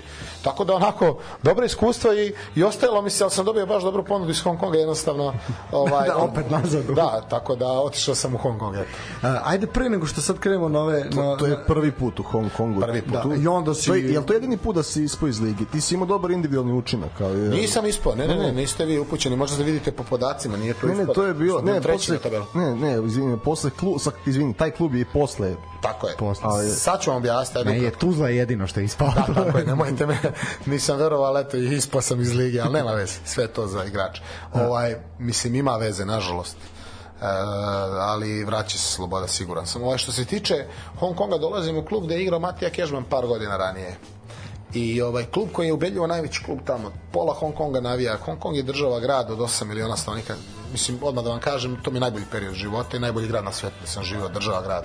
Znači, najlepše, ubedljivo za mene Znači, neverovatno. Zašto? Šta te toliko privuklo? Ma sve, način života, grad, Norveškom. infrastruktura, e, prelep grad, svetski grad. E, Na primjer, Hong Kong važi za najskuplji grad na svetu u Singapur i standard života je mnogo veliki, ali toliko lepo mesto, toliko lagani ljudi. Pa to su tamo kinezi ali kinezi nemaju veze sa ovim kinezima iz Kine, nego ovo su edukovani kinezi koji pričaju engleski, koji materni jezik, bukvalno e, A engleski, to ipak kineski. vidi se da Britanci su se tamo Britanci, pitali. Da. Amerikanci, mi svoj kapital koji sada vam pričamo o istoriji Hong Konga, 100 godina već drže taj Hong Kong, gde sa Hong Kong morao, isto je taj ugovor, 100 Da. godina da je morao se vrati.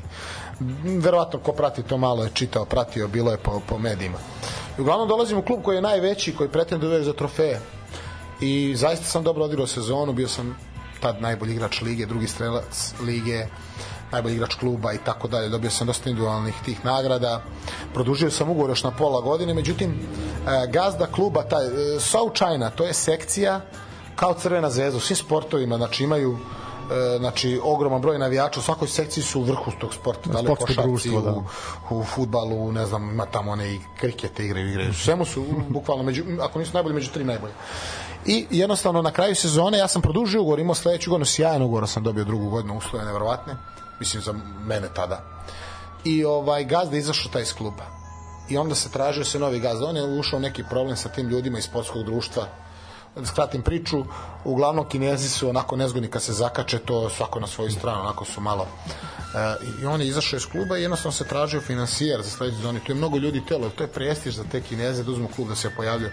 Međutim, nisu, nije došlo do dogovora sa sportskim društvom. Jednostavno su rekli, ok, ko to sad kod zvezdu, da dođe gazda, prvi čovjek sportskog društva kaže, ajde, nemamo sponzora, Gazprom lupam izađe i stupi, nek istupi Zvezda drugu ligu, pa nek igra na matersku. A tamo je druga liga materski nivo, realno. Samo prva liga je Premier liga je top ono profesionalno i dobar, dobar kvalitet, solidan kvalitet.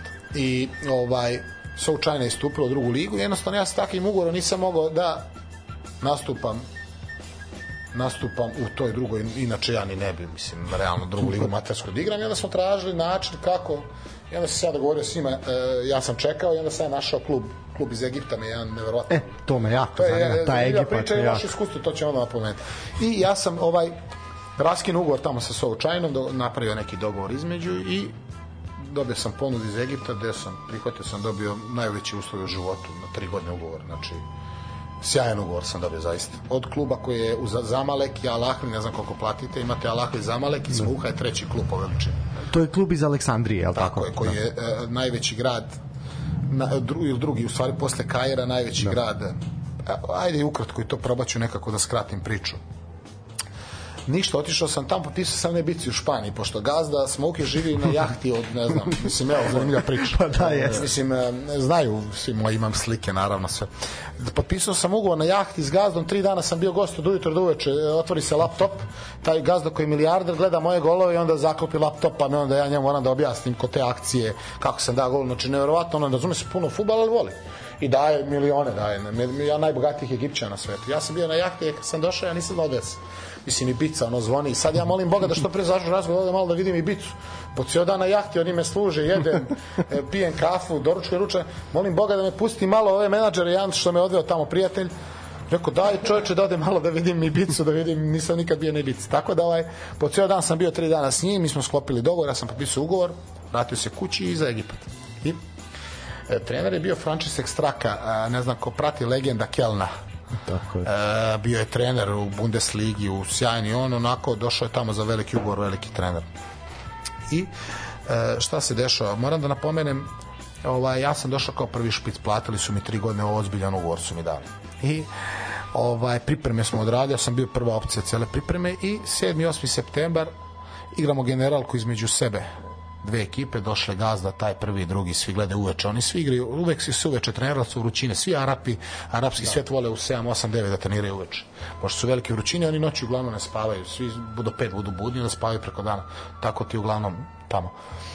I ovaj, ništa, ja sam e, bio e, p- e, to utakmicu smo igrali i povredi se štoper repstivac Egipta Jan koji kapiten nosioc ekipe sjajan igrač Egipćanin povredi se pada dole izneše se ga s terena i ja sutradan u hotelu ono oporavak radim neki svoj trening i dolazi taj menadžer kaže Nikola izađi iz bazena ja vam nešto ti kažem. Ako recite kaže hoće klub da raskine ugovor, jel, treba im mesto za stranca, najbezbolnije je da tebe raskinu, jer ima još dva špica stvarno koje su dobra bila špice koji su bili meni druga i treća opcija za mene, ali su isto ovaj jedan pozajmici Zamaleka i drugi prvi špic Sirije, repstacije. Tad je Sirija za malo otišla svetsko. I on da, bio, jeste, taj što je meni bio na klupi je bio glavni špic sirijske repstacije i jedva su ispali za svetsko. Znači, imaju dva dobra špica, realno, ali ja opet pojačanje iz Evrope, prvi evropljanin u klubu, oni uvek Afrikanci, u Afrika.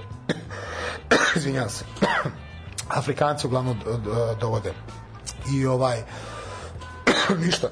Uzmi koji gutlje vode malo da se... Malo, samo trenutak, malo sam zapričam. Neka, to je, to zato sam te zvao. Pa da. Imam tema milion. Ne, vidi, mi sedimo i uživamo. Znači, nikad niko nije ovako imao reč kao ti. e, e, dobro. I ništa, ja sam mu rekao šta je to, mislim, prelaze rok je svuda zatvoren, nemam gde da potpišem, morat ću pola godine da pauziram, nema nigde. I onda su oni rekli, ovaj, došli su, hoćemo raskid, ali imali smo tri strance samo pravo. Desno krilo, najbolji igrač već tri godine, neki iz Etiopije, strašan isto krilo crnac, brz kao vetar. I imali smo zadnje vezno Bojana na Idenova, mog dobrog drugara, Makedonac koji je bio repstivac Makedonije, da, da. sad igra po, strašno dobar igrač. I on je bio zadnji vezni jedina opcija, znači špica imamo tri, zadnji veznik i Makedonac jedini i krilo najbolji igrač ekipe i da reši, što je logično. Međutim, sad problem oko raskida i mi se tu dogovorimo jedva, par dana I ništa ja namestim glavu. Međutim, ja na aerodromu sad, evo, nevrovatno.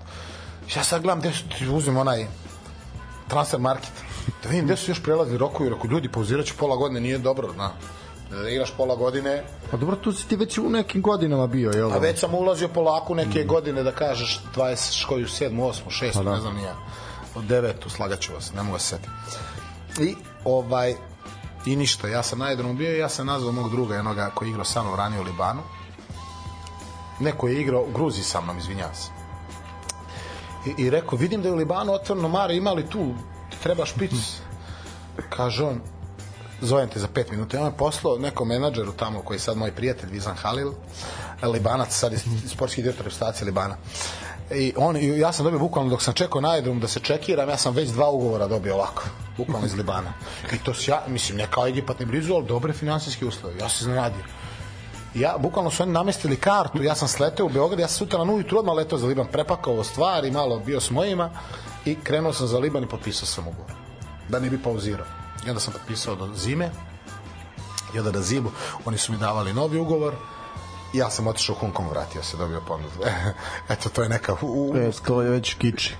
Nije Kiči, nije Kiči, nego Pegasus. Pegasus, Pegasus pa onda Kiči. Koji isto je jedan od boljih klubova tamo. Ja sam igrao za četiri najveće kluba, da kažeš, Hong Kongu sva četiri sa igra.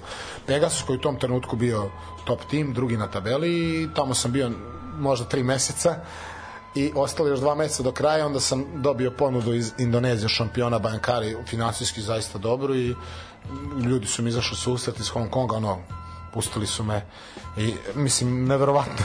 ovaj, uglavnom, znate kako, špic moram da se nadovežem na celu priču. Sad, gleda, e, slušalci slušaju, ovaj, e, ti si kao špic pukovnik ili pokojnik.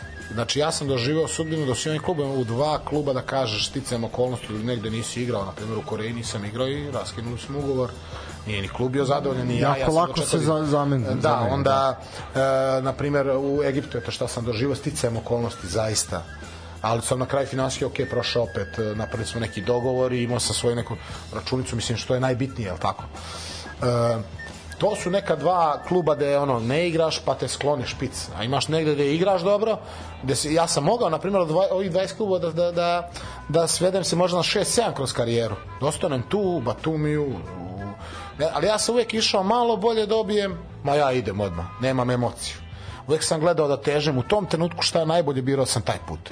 Od financija do države do do ekipe koji je klub tako da uh, Jel žališ sad što si tako ipak bio? Ne, da, ne, ne, malo. Čak bi voleo ja kažem da je bilo još više. još više da, da zaista mislim mada ono kako si stari više te to malo i ono sada ćeš da stabilizuješ život da si kući ali ovaj zaista to me ispunjavalo i sad kad ne, pričam s vama kad vratim film zaista ono opet bi sve radio. E pa to je znači, Možda ne bi iz Maribora na Tajland jedno. Eto to ne bi u tom trenutku. Dobro, to je razumljivo. Da, Da, da, da. Pa do, do, dosta si srpski Nikola Sanelka, ono, otprilike. Pa da, zezuju me, zovu me. Da, ali... Dobro, ima nešto u nauci imenima. Samo da, da, da. E, ajmo sad... E, sad... ima, ima pitanje. Da, ajde, pitanje, pa ćemo se prebaciti. Znači, dva pitanja ovako, s obzirom na broj zemalja gde si sve bio pitaju, gde, gde je najbolji noćni život, šta si sve bio? Pa ovako, pa, Sad mislim, budi, proba čovjek. pazi, razmišljaj, sluša nas TSC Čukarički. Ne, Ne, ne, pa znaju mene svi, znaju mene svi. Pa ne, noćni I ovo život... dete nas sluša. Ovo dete nas sluša, nemojte, nemojte. Pa noćni život je najbolji, ne znam, pa ne znam, u Srbiji, pa znate šta, ovaj, pa ne znam šta da vam kažem.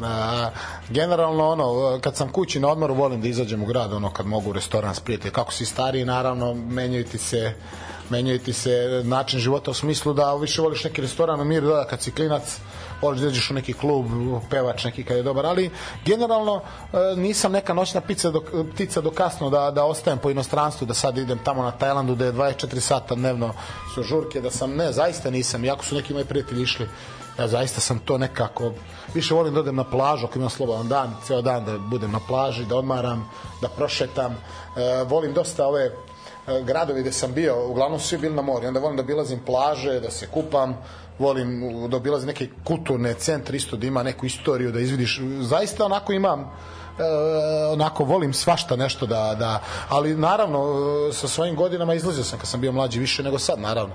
Ovaj, tako da najviše volim u Srbiji noćni život ali ovaj ne znam, možda Hong Kong i Tajland, ajde tako bi rekao. U Indoneziji ne možeš na primjer, moram da kažem u Indoneziji ti toliko popular, mislim ono, toliko ljudi vole fudbal da ne možeš i da izađeš negde, imaš problem, će te uslikati ili uzmi popi lupam pivo jedno, problem nastaje, evo ga alkoholičar, lupam. Mislim, iako ja ne pijem pivo. Ovaj, ali na primjer, dajem primjer, e, Da, savjet za naše ljude koji idu na Tajland, pazite, možete se prevariti. Tako je, možete. ja, ni, ja nisam, šalim se, šalim se. Šalim se, ovaj, ovaj, pa ono, Tajland je ludilo, mislim. Ali ja ono više volim onako neku varijantu mirniju zaista. Možda kad sam bio mlađi, sam onako, da, ko dobro. volimo da izađemo malo grad. Sad Sabl Čpalađi sedi i kaže dobro je, Da, da, da. dobro je. A dobro, to se možda se proveri naravno ko je kakav, to, to je najmanji problem. E, ajmo sad na ovu regionalnu priču. Može. A, znači, preskočili smo to Sarajevo, to, Da. ovaj, ta epizoda bila je, rekli smo Maribor, pa se otišao opet u Aziju, pa onda je, onda je došlo to Sarajevo i to je taj, recimo, tvoj prvi, prvi Da. mandat u Bosni, da tako kažem. Ti si uh, došao, znači nakon što je zaista jedna ekstremna bruka pukla u Sarajevu, to je ispadanje od Kukešija. I to, pazi, u dve utakmice je Kukeši bio bolji od Sarajeva.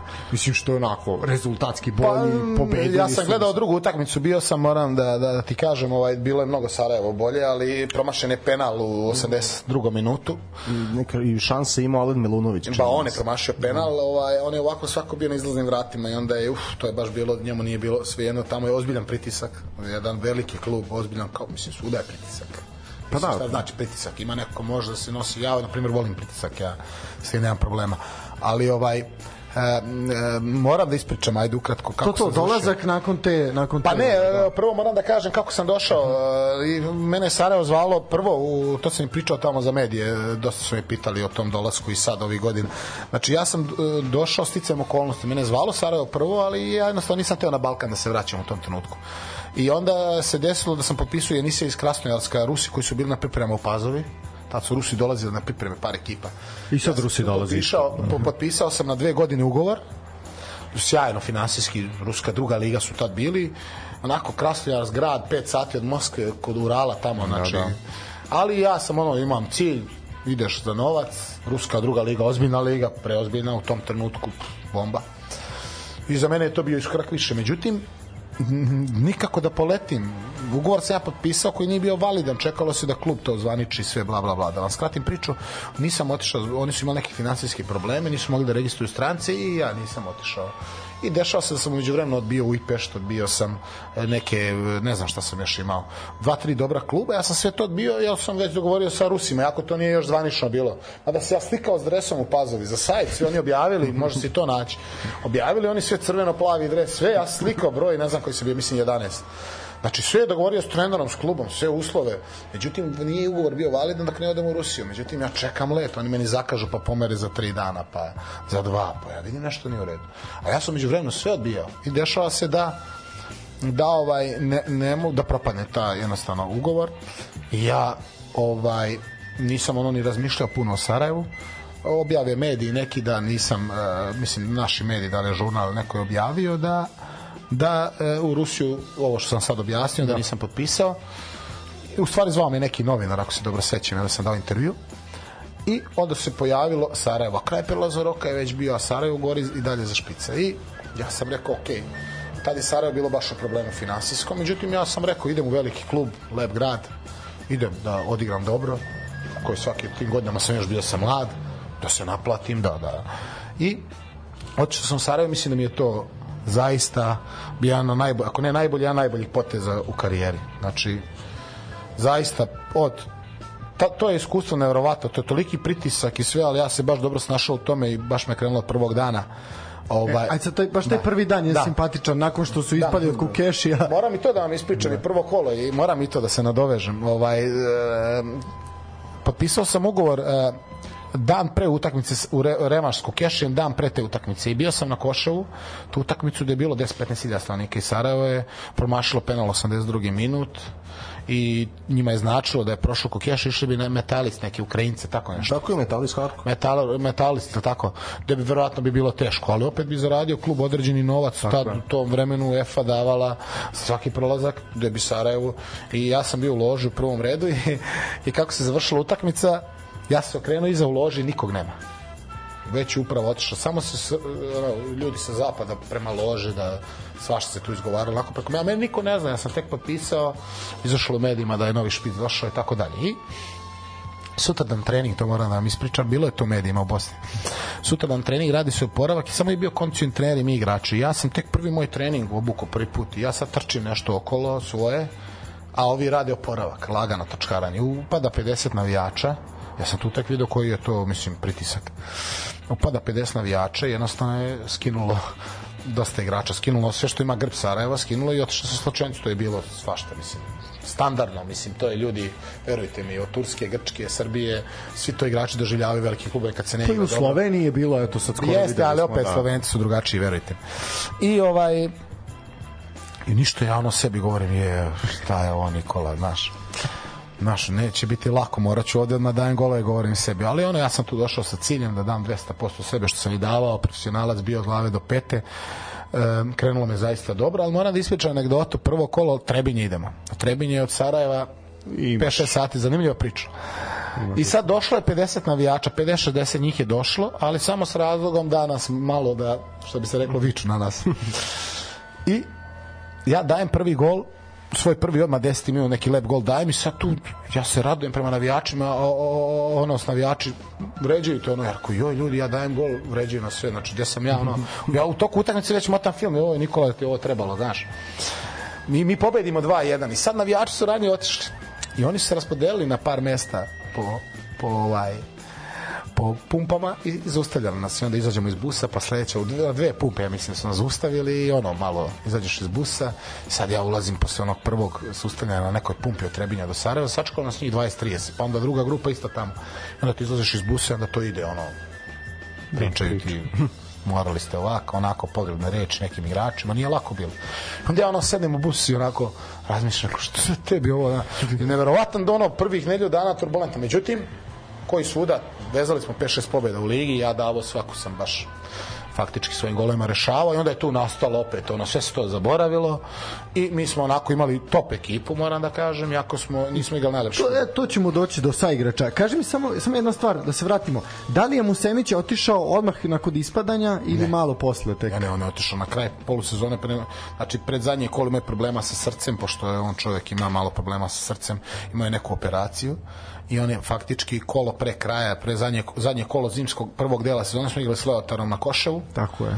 Ovaj, on je tad napustio i onda se na zimu tražio trener i došao Jarni. I došao Jarni. Da. I Jarni se nije zadržao do kraja, da. nego je Dženan preuzeo na kraju. Tako, da. Uščuplić, tako je. Da. Tako, da, Dženan je zapravo dono titulu posle. Da, pa on je tu iz Omladinaca čovjek. Da, da. Bivši igrač, sjajan igrač, bio sjajan tip, isto dobar, dobar čovjek. A, prilagodio si se sve i onda zaista u to kraj godine, to si sam spomenuo, znači promena trenera, ali promena i uprave. Od januara je Vincent Tan preuzeo klub ovaj, i počinje jedno zaista druga era, druga era. Vicentali već preuzeo klub kad sam ja potpisao, ali nije ušao skroz. Zvanično je bilo Tako je, 1. januar. zvanično uzeo Da. na zimu, ali i dalje i tad nije bio 100% kapaciteta u klubu.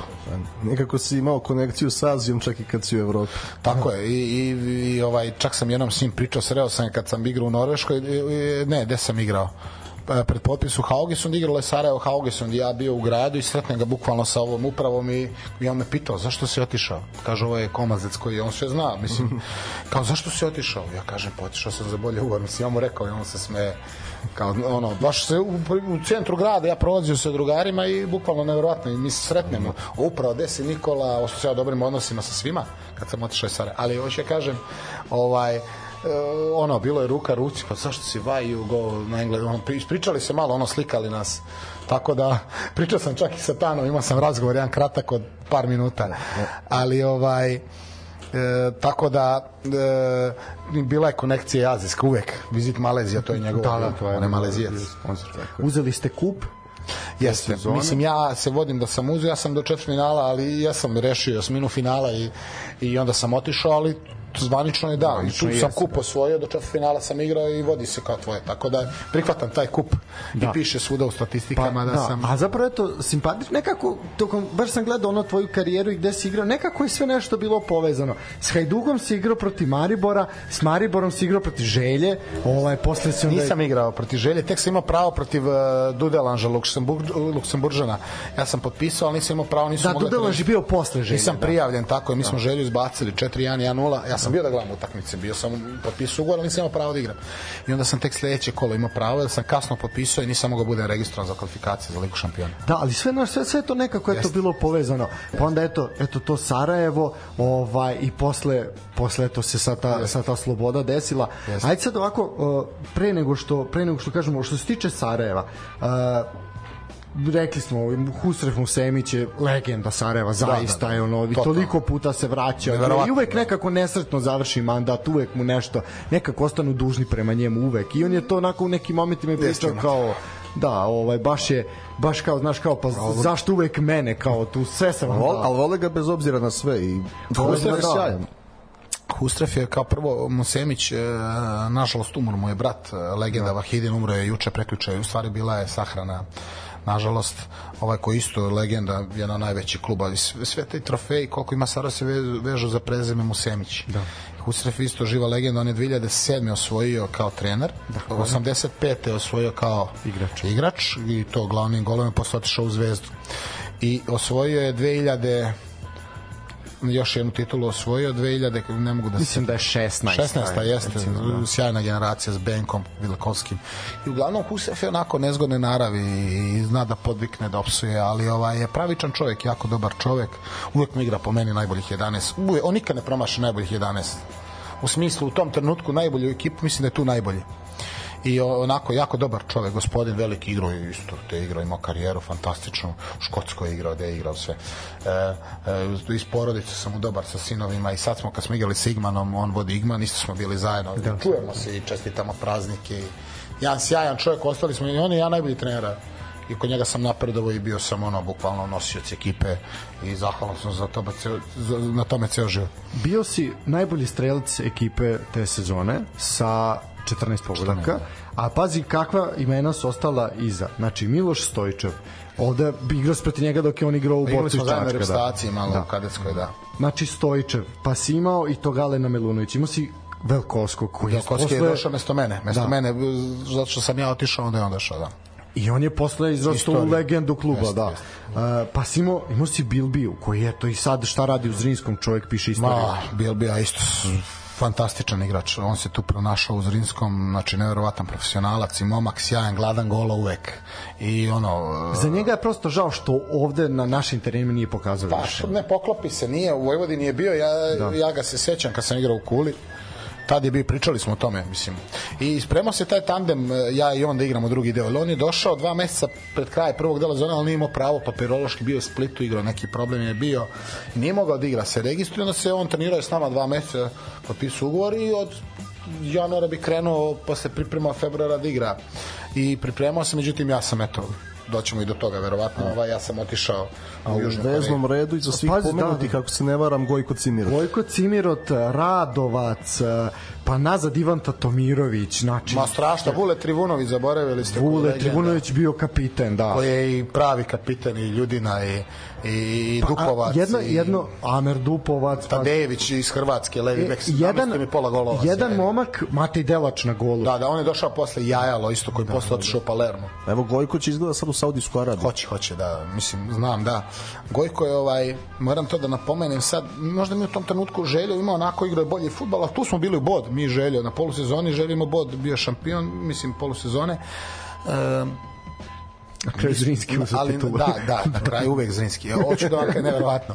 Hoću da vam kažem, ovaj, e, možda u tom trenutku nismo bili ni svesni da imamo toliko kvalitetnu ekipu, ali onda pogledaš posle karijere, pff, to je znači od, od Husein Cimira- Bašić. Da, on isto, da, da, odličan igrač, enoga, on iz Tuzli, znači sad smo bili zajedno, koji je onako dobar igrač, koji je mogao isto mnogo bolju karijeru. Imali smo zaista dobru ekipu, to po Asmir Suljić koji je sada bio isto, koji, ali on je otišao u Ipešt, prodao se bio, znači odlična, odlična ekipa, mnogo dobrih igrača, dobra atmosfera bila, zaista baš onako i evo Cimirot kako je karijeru napravio, naj, najbolji igrača standarda iz Liježa, a, Bosna. To je jedna i debitantska sezona jednog momka kojeg smo mi posle sad prošle sezone gledali u Novom pazaru sa i u Čukaričkom, a to je Admir Ragan Spakić. E, e, e, baš sam ga nedavno spominjao, evo izrast, sad je otišao u Makedoniju, čini mi se, u Škendiju, tako nešto. Znači, mislim da napustio je Čukarički. Jeste, napustio je.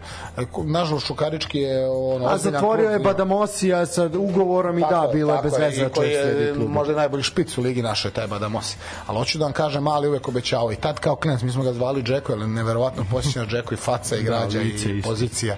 I ovaj, jedno sjajno dete, tad bio dobar momak, ali realno je bio jako mlad i nešto je malo je debitovo, ušao je ne znam proti koga, ali videlo se da će biti igrač i drago mi je, napravio on finu karijeru, on pravi Čukarički, Pazaru je dao dosta golova, ono ja što ja pratim, tako da, Jeste, jeste, tako je. da odličan, odličan igračić koji je sada otišao u, mislim da je sad i u najboljim godinama, ne znam, ne mogu sad izračunati koliko bi mogao da ima, ima sigurno jedno 26, 7, 8 godina, ali ovaj, odličan igračić, odličan. Šteta, šteta, možda šteta u tom Čukaričkom nije dobio više šanse, ali zaista kad god je bio na terenu on je nešto uradi pokazao. nešto, da. jeste, ima, ima, de- ima, stvarno ima kvalitet i dobar je momak i profesionalac, ali jednostavno Čukarički je možda prevelik zagloga je u ovom trenutku, jer stvarno imaju ozbiljnog špica, ozbiljan sistem, da. gde, gde, nažalost, on imao punu, pu- punu minutažu tu. Između dva mandata u Bosni, sad pričali smo o toj Aziji, o svemu što se dešavalo između, a, i sad si onda do, došao u Slobodu iz Tuzle. Kakva je razlika u tih 10 godina između tadašnjeg Sarajeva i tadašnje BH Telekom Premier Lige i sada? Pa davao sam, davao sam izjavu baš za to. Ovaj nema razlike puno kvalitetu, moram da kažem, nema. E, nema puno razlike. Evo, Da li onda aj sad ću te zaustaviti za trenutak. Da li onda misliš da znači da su oni negde tu negde po kvalitetu, da li onda ima osjećaj da smo mi opali onda po kvalitetu jer rekao si da smo bliži malo sad. ne znam kako da vam objasnim. Ja sad pričam period da se futbal menja. Sad, Bosanska liga je po meni e, e, e, napredovala je u infrastrukturnom smislu kao i svi. I mi svi su napredovali, samim tim i Bosna. Finansijski su isto mnogo veći ugovori nego 2013. U Sarajevu neću da pričam koliko se sad ulaže. Gospodin Mirvić, novi gazda, ranije Tan i ovaj Vjetnamac, kako se zove, zaboravio sam ime, ulažu enormne pare. I Sarajevo ima najveći mogući budžet, sigurno od Zrinskog ima tri puta veći, ja to sad siguran sam. I, i sigurno će Sarajevo sada dođe jedan period. Nadam se i očekujem, jer to i navijači zaslužuju.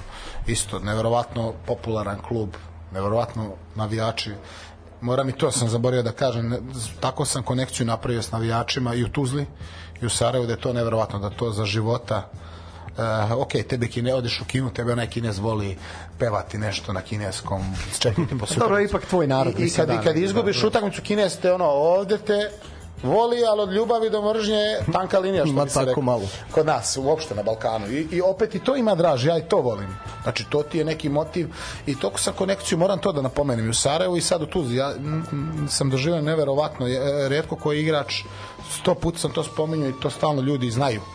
Toliko sam, e, toliko me navijači, mislim, taj narod poštuje, sam stekao njihovo poverenje da ja to dok sam živ, to je meni u srcu. Na primjer, sad sam doživio kad smo igrali Sloboda Sarajevo, izgubili smo 3-2, vodili smo 2-0. Tu sam bio na klupi, ušao sam s klupe. E, kad sam izlazio rezerve na onaj minut dva pre izlaska ekipe, izlazili smo mi rezerve. Meni je uh, ceo stadion aplaudirao. Prvo navijači Sarajeva, toliki aplauz, ta tribina, dok sam prolazio pored njih, to je da je meni toliko sam se bio pod utiskom prvo polovreme sam ja dok sam sedeo gledao utakmicu sam bio pod tim utiskom i onda dolaziš do tribine Slobode bio pun stadion, bilo je 7, 8, 10 hiljada. Da mi svi pevaju jednu pesmu sad, znaju ljudi iz Tuzle šta mi pevaju, ali ovaj, i to je neverovatno. Znači, tebi dvoje navijača ti faktički ujediniš, onda su to apostrofirali mediji, što je zaista bilo tako, ti ujediniš dvoje navijača od istog čoveka, I to je onda neki dokaz da si nešto napravi u životu. Nije Sloboda i Sarajevo, nisu Manchester i Real, ali su za Bosnu, za Balkan dva velika tradicionalna kluba klubovi. i meni je čast što sam igrao i za Slobodu, zaista, evo, doživjeli smo neuspeh, nažalost, ali tu, to je duboka priča zašto se doživelo, ali hoću da vam kažem, to su dva velika kluba, među pet najvećih, znači Sarajevo, po meni ja i to gledam najveći klub za mene, uz Želju, uz Slobodu, e, imaš vamo Borac Banja Luku, i ajde da kažem Velež Mostar naravno. Da. Zrinski ok ima uspehe, ali opet Zrinski je tek neka novija istorija, ne najuspešniji klub. i Čelik, eto, ima neki... Ej, Čelik sam Čelik, zaboravio, da. izvinjavam se navijačima Čelika. Eto sad ozbiljan derbi u prvoj ligi federacije će biti Čelik Biće ozbiljan da. derbi, puni stadion će biti i u Tuzli i u Zenici. Ali nisi, nisi jedini čovek koji je igrao i za, Slo, i za Sarajevo u aktualnom kipu Slobode. a Ovaj, moram da spomenem Saida Huseinovića. Ma neverovatan, neverovatan igrač. To je ljudi, to je, pričali smo neformalno i pre emisije, pa to je neverovatno, bogom da to, to je takav igrač i momak sjajan, sjajan momak, on nam je bio i kapiten kad god igra ima malo problema s povredama, ali kad god igra on je naš kapiten majstor, znači njemu daš loptu i ne razmišljaš s njim igrati, to je Melina takav osjećaj za futbal, za asistenciju, nesebičnost takva, to je ljudi, to je, on je, on je, ja sam njemu rekao, pošto smo mi jako dobri prijatelji postali, bit ćemo uvek, ovaj, toliko se uvažavamo i poštujemo da sam ja rekao da ne mogu da verujem da on je završao sad karijeru, ok, pisao završnim godinama, on ima 33, da on sad nije lupam u nekom Bohumu, u Hamburgu, u Stuttgartu da završava karijeru nego u Slobodi iz Tuzle. Ali on je Tuzlak, on voli taj klub, on će tu biti na funkciji. Ali hoću da kažem, ovaj, to je takav igrač, onda imaš Stojana Vranješ. Naravno. Stojan To je Vranješ je, sledeći. posebna neću da priča, pričam o da. Stojanu Vranješu isto, to je pre svega isto sjajan čovjek, s njim sam najviše vremena provodio i, i to je moj drugar isto, znači Stojan Vranješ živa legenda koji i sad može da igra i u fizičkoj spremi, neverovatno je, znači koji je profesionalac, porodican čovjek, sjajan momak, koji je sad u Slobodi po meni bio najbolji igrač drugog dela sezone, sigurno. Pa legenda borca. Ma legenda i u Legiji uzao Mislim, titulu, da. u gde sve igrao. On je Pa čak i taj izlet u Vojvodinu što je imao je bio je Odličan popriličan. I dana- popriličan Posebno je u evropskim utakmicama. Da, da, Jeste, da. i u Europske te i u borcu kad su ove Portugalce on dao gol, pobedili Rio Ave koga su pobedili. Znači, isto, imao si ekipu i nažalost ta rezultat je došao dobro do nas igrača najviše, ali ima tu i drugih stvari sad, mislim za javnost da ne pričamo, ali svašta se i tamo dešava po Bosni.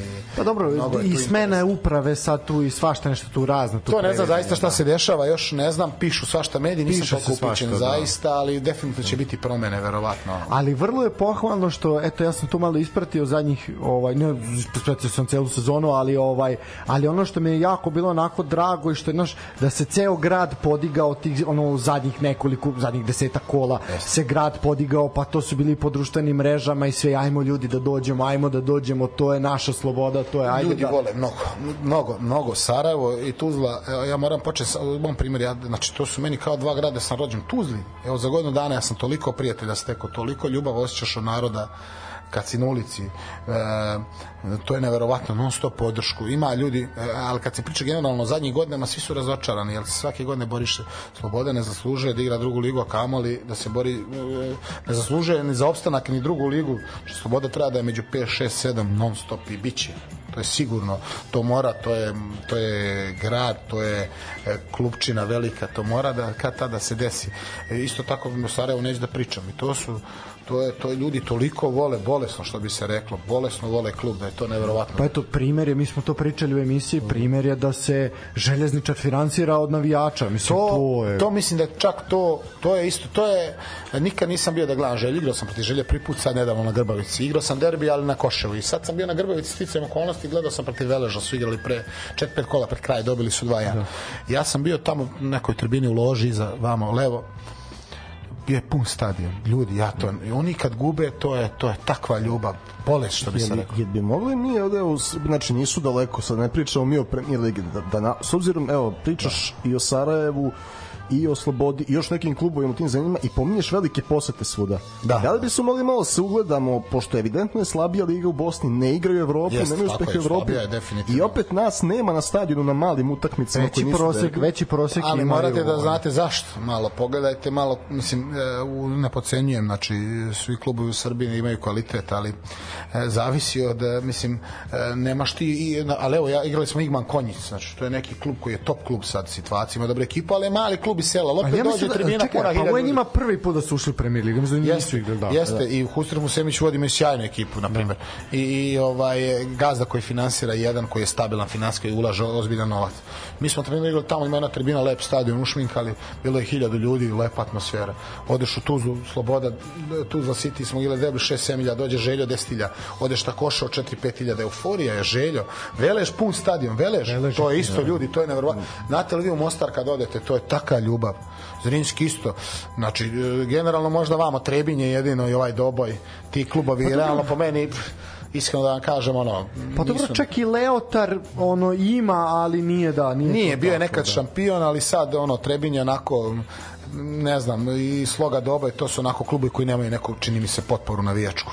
Pa nema mi čini mi se da će ta sloga, sad sloga Meridian, jel kako se Da, Meridian. Ja verujem da će oni se i izdignuti malo. Delujem da ima tu potencijala, potencijala da se Pa onako dobro, razvije. pa dobro, Ali uvek si imao, imao si to, ne znam, mladost, doboj, kakanj, uvek si imao taj jedan ili dva Jeste, kluba dva koji su koje, koje realno su iz sela i koji nemaju neku tradiciju i onda uh, Da, a što se tiče Srbije mi smo malo mi smo malo i drugačiji mentalitet a i ovde iskreno ću vam reći zna se uglavnom šampion svake godine sad su malo TSC promenili Čukarički i to je dobro osveženje jako zbog kuma bi volio da je Partizan uzeo titulu mislim zbog kuma. Generalno ne navijam mislim navijam za oba kluba ali nisam neki uh, ono da sam Vatreni. vatreni ali, sad evo, pominjao si, izvini, pominjao si to k- kakva je situacija, znači, da li smo mi malo u Srbiji razmaženi kad dođe loš rezultat? Ima i toga, ali generalno e, drugačiji smo mi mentalitet. Oni su malo tamo emotivniji i na pozitivno i negativno. Malo doživljavaju poraze teže, a i to je moje da mišljenje. nama malo sve jedno? Pa ja mislim zato što Zvezda dominira godinama i tu se izgubila, to je najveći problem. I što ima drugih stvari, isto čini mi se, ima dosta malo neregularnih stvari možda i za borbe za opstanak i Pa to je sad ovo pred kraj bilo, Da, ali malo. Mislim, to imali je smo svuda, to je u 30 Bosni, to je u Bosni. ovo. 30 perfektnih kola smo imali do ovog sad na kraju. E, ja vam kažem, Slobodin je najveći problem što je bio najčistiji klub. Ja vam to tvrdim, to je ono- to je najčistiji. Javorova priča, Nažalost, ono. I da. najčistiji klub bivše Jugoslavije, moji stariji prijatelji kažu da, da je Slobodan i tada u toliko tim igrama ljudi, nije umela ljudi da u smislu korektni da neće, ne znam, ni ja, neke... A čista emocija, čista čista emocija igraju ono na pošteno klub, mislim, ja što sam bio, zaista sad, ono da ne pričam, e, sad ispada, evo pričam poštenju, zaista je takav, znači niko nam nije aut poklonio, nismo imali, znači ono, kad imaš suđenje e, korektno, ti si srećan ko da, da ti pomaže da daš tri gola lupam. E, i, I mislim da je to jedan od razloga zaista isto, da ne ulazim u duboku priču. Zašto Pa da, ali čak i to poslednje kolo, ono želje je trebalo za Evropu, vama je trebalo za opstanak i ono kao zaista je bilo jasno svima da ono što kaže idete na klanje, ono da je to to, da nećete Pa ostati. vidite i mislim, da smo do pobedili ne bi ostali isto. Na kraju su se poklopili rezultati, ali mi smo ušli u tu utakmicu ako pobediš, verovatno ostaješ, međutim ne na kraju nažalost ne bi e, ostali, ali ovaj želje pokazao kvalitet želji na kraju isto ni pobeda nije trebala, oni su svakako bi vratno ušli u Evropu, ali ovaj željo je došao onako nisu oni bolji od nas. Mi smo igrali s njima 1-1, e, nego, nego moram da kažem sad, ajde, e, promena trenera se jako poremetila i zadnji trener što je bio hrvatski trener Pranjić e, kako da kažem e, došao u nezgodno vreme i, i onako bilo je dosta tumbao je tim dosta i onako bilo je ne znam kako da vam kažem, ali nezgodno vreme je došao i mislim da je to na negativno uticalo, tajming promene trenera. To sa Pranjićem bi se bolje uklopio kao saigrač da ti centrira. Pa moguće, ne znam, ne znam, ne znam, zaista ne znam, ali kažem, tu mislim da je jedno 5 5 6 kola pre kraj 7 da je došlo do promena trenera sa trenerom prethodnim s kojim smo mislim izgledali bolje i stabilnije. Ovaj da mislim ne da sad komentarišem sam pričam realno što su svi videli. Ovaj tako da mislim da je tu isto jedan od razloga zašto smo e, promena trenera u nezgodno, nebitno ko je trener u nezgodno vreme. Tako da, ali najviše do igrača opet. Mislim sad da ja tražim alibi. sve to povezano, ali opet mi igrači smo na terenu koji prvo treba da da gol, da odbrani gol, da... Tako da i do nas je isto jako dosta neke situacije smo mogli bolje utakmice da rešimo nažalost eto to se desilo ali vrati se to je za igrača ja kažem šta ću mislim teško mi je palo zaista jako loš ružan osjećaj ali to je fudbal nažalost to je tako ispalo ali vraća se sloboda zaista ogroman klub E, evo ovako, ajde sad jedno pitanje. Ovaj, pitanje je vezano za hibridne terene. Mm -hmm. ovaj, to je sad bilo u jeku prošle sezone, menjali se, niko nije igrao na svom stadionu, svi su nešto pravili. Re... Kako je sad, mislim, uhvatio se to malo pred kraj kad su, kad je Velež se vratio na stadion, kad se Borac vratio na stadion, iako su počeli ono da igraju, Borac je svaku utakmicu igra na drugom yes. stadionu. Yes. Kako to sad izgleda? Da li je taj hibridni teren zaista pravi razliku čak i u našim uslovima, da, da kažem? Jel to nas čeka sad ove sezone u Superligi? Definitivno, da, i bit će mnogo bolje. Mada u Srbiji generalno sad imaš i JNA je dobar i Marakana i Pa evo sad postavljaju, postavljaju. Ali to kad bude biće bolji fudbal za 20-30% i biće više golova, to je moje mišljenje. Sad ovo offside pravilo što se uvodi verovatno Uh, to kreće sad pa ne znam nisam upućen ili kao nešto će bude žesko pa će krenuti možda 2023 četvrta mislim da da znači sledeće. Ali ovaj hoću da kažem Bosni drastično porastao fudbal. Ima rezultata puno više golova je padalo. Znači imaš rezultat mi smo vodili 2:0 protiv Sarajeva izgubimo 3:2 ali padala je kiša celu utakmicu teren je bio kao tepih E, to je najbitnije. To na primjer, Tuzla je važno za najgori teren u ligi. Na primjer, to treba da se uradi u Trebinju, pod hitnom Trebinje tragedija je, je stadion, da. Doboj, ja mislim da prave, nisam igrao tamo, ali generalno sad svi tereni su Velež, Mostar, vrhunski teren, Koševo će biti vrhunsko želju, ima top, isto oni su ranije zbog reprezentacije, Grbavic isto nevjerovatno igrati tamo. E, e, Tuzla, vrhunski teren, možda i najbolje imamo hibrid trenutno u ligi, Slobodin je najbolje e, napravljen, da Tako da fudbal će biti više golova i na primjer ima utakmica da je bilo 3-5 Veleš Sarajevo 3-5 je bilo. To je bila brutalna utakmica što gledao. I to, to se baš pucalo, prštalo i to samo zbog terena, verujte mi najviše. Ali i zbog, pazi, imaš u Velaž ove sezone imaš jednog Nermina Haskića koji čovek Jeste, razvaljuje sa golovima. privatno smo, okej. Okay. Sjajan momak i dobar igrač, dokazan je u Srbiji u Nišu igrao je. Bio je na Distrijac lige. Kapiten je tamo produžio ugovor i on Mislim pazi, pazi, pazi u želji. Semir Štilić, da, da. imao si Bekrića, imao si Suleman Krpić. Suleman Krpić, znači to su sve ozbiljni, ozbiljni majstori. Ozbiljni majstori. A to je inače to je za mislim da li njima, šta njima fali uh, generalno njihova reprezentacija najčešće, posebno ona kad su otišli na svetsko prvenstvo, reprezentacija je bila sačinjena od talentovanih momaka koji su se uglavnom razvijali u inostranstvu. Jeste Da li je, eto, sad, da kažem ovako, da li ih je taj rat možda i najšubio u smislu akademija, rada Jest. s mladim? Jel ti vidiš majstorstvo kod njih? I moji drugari, moji drugari koji idu u Bosnu, kod Bosnu rodbinu, obožavaju da idu tamo zbog fudbala. Kaže, no. nezamisliv mali fudbal na toparcu. Da Ali kaže, da, da li je veliki teren problem fizikalije ili nešto? Gde, gde je ovaj... Pa mentalitet je i dalje, ima dosta propusta i organizacije lige. Ne discipline. I, ne discipline, nego u smislu suđenja, to svi znaju, mislim. E, ali, i, I mislim da je to jako... Naj, oni su baš imali ove sezone problem, izvini sa što ste prekli, najveći problem sa suđenjem.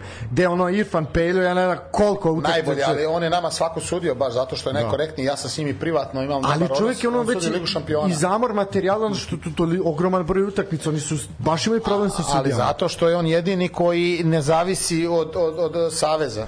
Na da. primjer, kad bi vam govorio, neću govorim imena, malo pogledajte utakmice, penale, crvene kartone, to je bilo ne, nevezano za naše utakmice druge neke to je znači bilo je to po medijima to je bilo znači da vam ne pričam ovaj ko prati malo bosanski fudbal ali to se nekako sve zataška i ideš dalje da.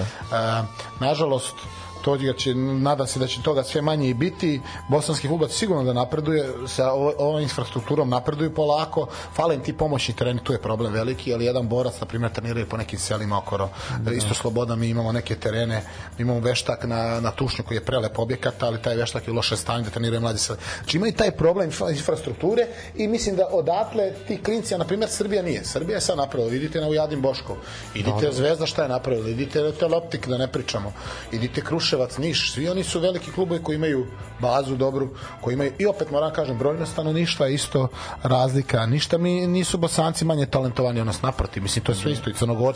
Ne možeš sad porediti Crnu Goru i sa Bosnom i Srbijom koja ima ne znam koliko stanovnika i ima 20 da, da, klubova, prva, druga liga 30.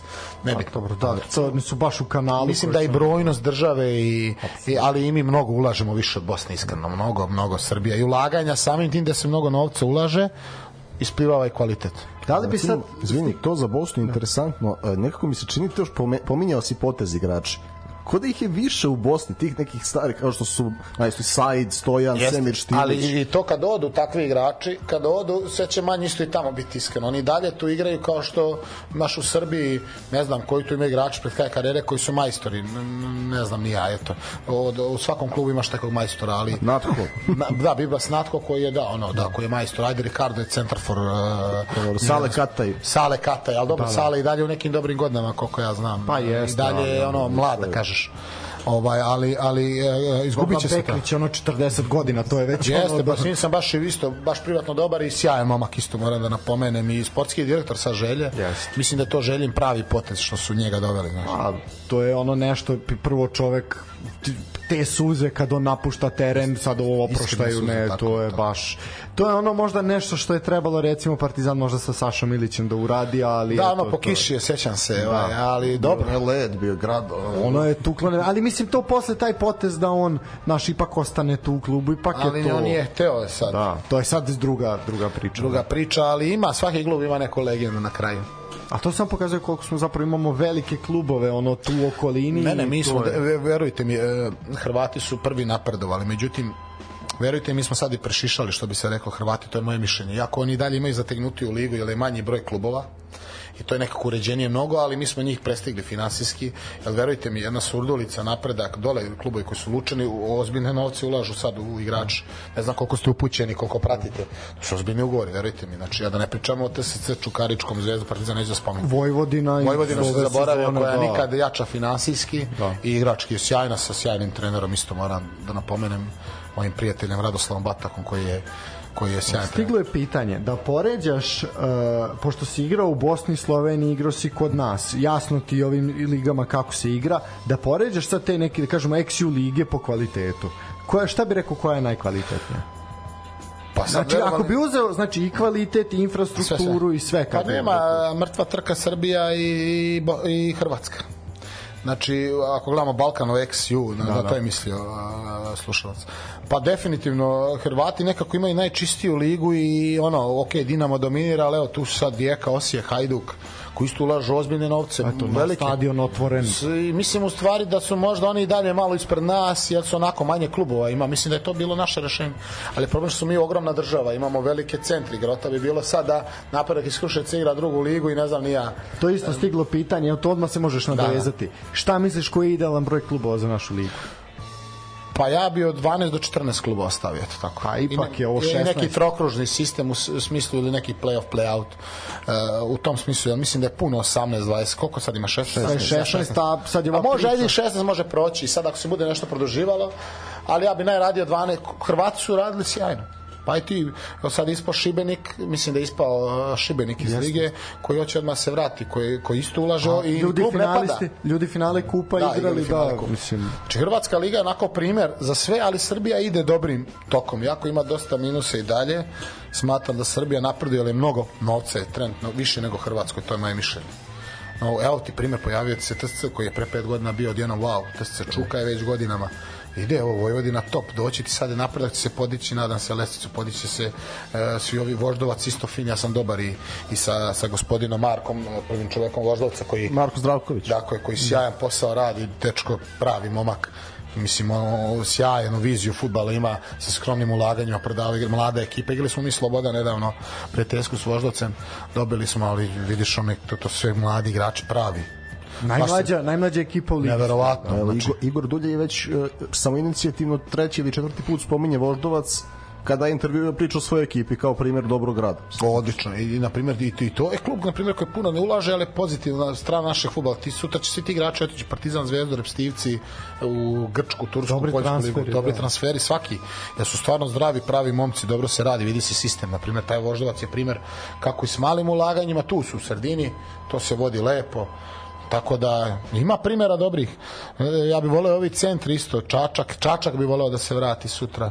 Fali nam jedan Čačak, fali nam, fali nam ne znam ni ja, dobro je što se ovi stadioni sad prave isto. Tu Država ulaže definitivno, nikad nije ovoliko novca bilo ulaganja. Nije, to je svaka čast na tome. Od zaista. 45. kad su sa, sagrađeni manje više svi stadioni Jeste, nije bilo jeste, ovako. jeste. Da. Neverovatno. Tako da mislim da enormno napredujemo zaista. Mislim da da idemo dobrim putem iako što kaže ima mnogo minusa, ali doći i tome kraj. Mora promeniti se to, nadam se. Šta misliš sad, evo, imamo Crvena zvezda je direktni učesnik Lige šampiona. Da, Imamo nikad više klubova u borbi za Evropu. Da li je realno da sad možda i taj TSC napri nešto u Ligi konferencije ili Čukarički da dođe konačno do Moram sam dovežen, TSC će da igra Ligu Evrope ako, ako ne uđe u Ligu šampiona. Ligu Evrope, izvini, da, je- mo- moja greška. I to će se igrati u Topoli, Da. da. pošto imam podatak, znam da je 8... Bio je, bio je Sabloč Palać ovde rekao. Da, nama jel će bio, biti, nisam da, da. slušao. 8000 je bilo valjda minimum treba u Evropi, kako se upoznat, ali Topolu su prihvatili. Dozvolili su im, da. I treba da dozvoli. I mislim, moderan zaista. objekat. Ma sjajan klub, sjajno sve, ma nevjerovatno. Jel misliš da konačno je vreme da neko napri iskorak sem Crvene zvezde i Partizana? Pa biće teško. Da taj Jako, Čukarički dođe do grupne faze, da Vojvodina Mo, konačno dođe do, može, faze. može da se Liga konferencije, da bude realno da imamo čak jedno, dva predstavnika, ali realno opet Liga konferencije, a, a kad bi poredili u UEFA, Europe Ligi i Ligu konferencije, male su razlike u finansijama dobiti, što je dobro za naše klube. Ali kvalitet, Jel, jel kvalitet je drastično veliki, ti imaš e, klubove iz Makedonije, Albanije, Balkan, kako zove neki Balkani, da, Balkani. Klub, mislim, bili Ligi konferencije, a u Ligi Evrope ne možeš ući, moraš baš da si u Ligi Evrope igra i klubovi iz Engleske. Ako mislim i Lige konferencije igra isto. Kad si pogledao polufinalne parove, sve ti je bilo jasno. Da, ali generalno Liga konferencije nije toliko atraktivna za ove top lige. Ali za nas I, idealno. I tu se otvorilo i to je svaka čast Čeferinu i zato je on i došao na čelo UEFA, zato što su mu potpomogli ovi manji, manje države i on to sad drži, on im je obećao i on je to uradio. Stvorio je mnogo lakši put za sve klubove da zarade, što ja volim, što mi se sviđa, to iskreno. Možda malo futbal i gubi draž, ali možda malo, jer ima dosta sad tih takmičenja, utakmica. Ali ja ne vidim da gubi draž. Mislim, što? Šta je loše da, na primjer, eto sad, jedan, jedan borac iz Banja Luke ili recimo, da. ili iz Sarajevo ili što, mislim da igri grupnu fazu, pa nek to bude i neki, neka ono Flora Talin ili Da, nešto. da, jeste, ali igraš taj grad jeste, će jeste. živeti za tu grupnu fazu. imate pravo, da, ali ono, mislim, isto što se produžavaju ono klubovi, ne znam koliko sad u Ligi šampiona i onda se to raštrka, mislim, na, gubi se možda u kvalitetu, to moram da kažem. Mislim, upašće ti neki klub, evo, na primjer, ajde Zvezda, zaista sad ima kvalitet dobar, pobedila je Liverpool, ali učiti neki klub, ne znam, iz, da učiti dva, tri kluba iz napomenem Estonije, lupam Riga sad koja ulaže iz Letonije, tek da uđe u Ligu šampiona e, iz Letonije. Mislim, to je dobro u stvari, pozitivno za ove manje, da imaju svi šansu, ali opet gubi se kvalitet. Sad dođe Paris Saint-Germain i, i, Ubije i ih, šest da. komada, da, mislim, razumete. To, to se desilo i Zvezdi. Da, to, to sam i pomislio, mislim. Evo, evo pitanje, ovaj, skrasio si se u Novom Sadu gde nisi igrao. Da. Da li je ranije bilo ponuda Vojvodine i da li je bilo ponuda Partizana i Zvezde? Da, ovaj, e, e, bila je ponuda kad je bio Radoslav Batak 2000, slagaću su igrali sa Ruž, Ružan Berokom koji je bio Pa to je neka 17. 2017, 18. Imao sam da. tad ponudu, imao sam tad ponudu i to je jedina. I ovako kao klinac, imao sam zvaničnu ponudu Zvezde 2013. kad sam bio u Sarajevu. I u mlađi selekcije su me uvek zvali, ali aj to ne računam. 2013. kod Sap Pinta trenera, tad sam dobio ponudu na zimu, ali ja sam izabrao Aziju, Koreju pre Zvezde. Tad igrao Dauda i Rakić u špicu u Zvezdi. Nije bila baš sjajna situacija, iako mi je otac Aj, veliki sad da zvezdaš. si skroman, pa da ude zvio bolji, pa nemoj zezati. Ne, ne, nego vam kažem, ovaj, iskreno mislim Zvezda je Zvezda institucija, to svi mi sanjamo da igramo Zvezdu Partizan. A, I Voša naravno institucija za mene lično, iako nisam rođen osađanin. dobro, tu si, znaš, tu sam, ali ovaj. Vojvodinu uvek volim da gledam i imam dosta drugara koji su igrali, igraju sad u Vojvodini i, i ovaj, imao sam ponudu e, Partizana, nikad nisam imao zvanično, ali moram da ispričam anegdotu. U Hong Kongu kad sam bio, dođe Sale Stanojević, e, trener, bivši Partizana, koji je sad u Turskoj. Da. Došao je sa e, kondicionim e, mojim prijateljem e, kojim je kondicion trener Vlada Čepzanović, koji je ozbiljan trener, sad je u belgijskoj reprezentaciji kondicioni i, Da, i on je došli su- Spartak iz Moskve bio. Da, da, bio Spartak, on je moj prijatelj jako dobar i bio je ovaj Vukašinović pomoćnik, isto čovjek koji je bio Ofki, koji je isto u reprezentaciji bio.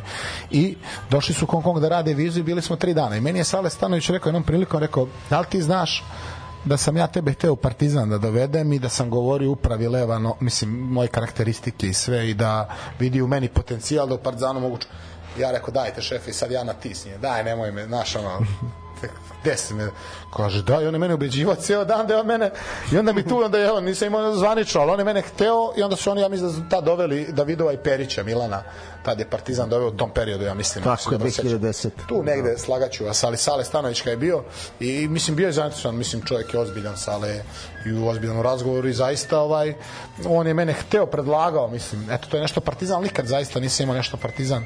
Zvezdu sam imao jedan put i imao sam Vojvodinu jedan put. Da. Jel ostaje, aj sad moram tu uhvatim negde da ti nečeg bude žao, znači on kao to pokušao iz dva sata. Žao malo što nisi za, da kažemo, naša Da. tri najveća kluba za Jeste, igru. žao mi je, žao mi je, kako ne.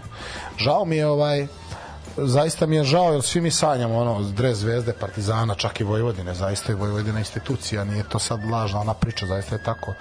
Žao mi je ali s druge strane to je to opet sam igrao za velikane za Sarajevo za Maribor koji su isto mislim nisu velikani ko Zvezda i Partizan ali tu su velikani našeg futbala imao i- i- igrao si i derbi ne znam Sarajevo Slobode malo si Maribor Olimpija vato znači opet sam imao tu neku čast igram neke e, derbi i opet sam s te strane ostvaren da sam igrao nekim balkanskim velikim klubovima ali naravno da mi je sam bio Zvezda Partizan uvek mislim ljudi mene tad kad je Zvezda zvala ponudila mi ugovor tad, ovaj, ja nisam ono nije mi dobro bilo ali onda sam malo razmišljao dublje, danima razmišljao, odlučio sam malo se da pametniji, da. da, da. Jako me vuklo i otac mi je veliki zvezdaš, mislim. Ja sam mu te kasnije to rekao, nisam smeo, jer to nigde nije izašlo u medijima. I onda sam mu ja to rekao i onda ono, halo sine. Znaš, on je bivši bokser, inače dobro me nije patosirao.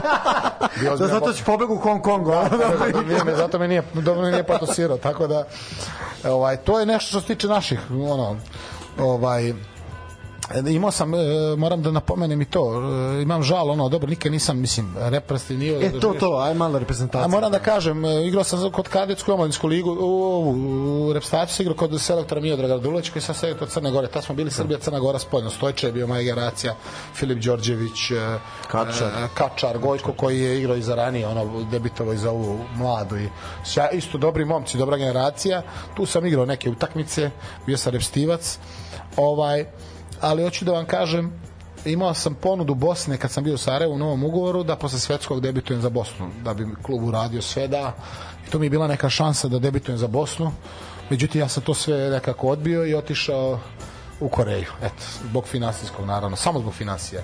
Jako me duša bolila, iskreno mi u Sarajevu najlepši period bio što se tiče uz Hong Kong gde sam imao lep život, a što se tiče emotivno i mislim da mi je Sarajevo čak i slobodu sam doživio, ali mislim da i Sarajevo onako, ja sam imao rezultatski uspeh eto. Sarajevo je jedan prelep grad koji je zaista, to je jedna emocija u tom gradu. Ozbiljna emocija. To, Ja- zaista treba otići. Jel morate da znate, Bosna je nažalost doživjela šta je doživjela, tamo je bio rat toliko godina i ljudi su ostali emotivni. Imaju tu neku emociju izraženiju nego mi.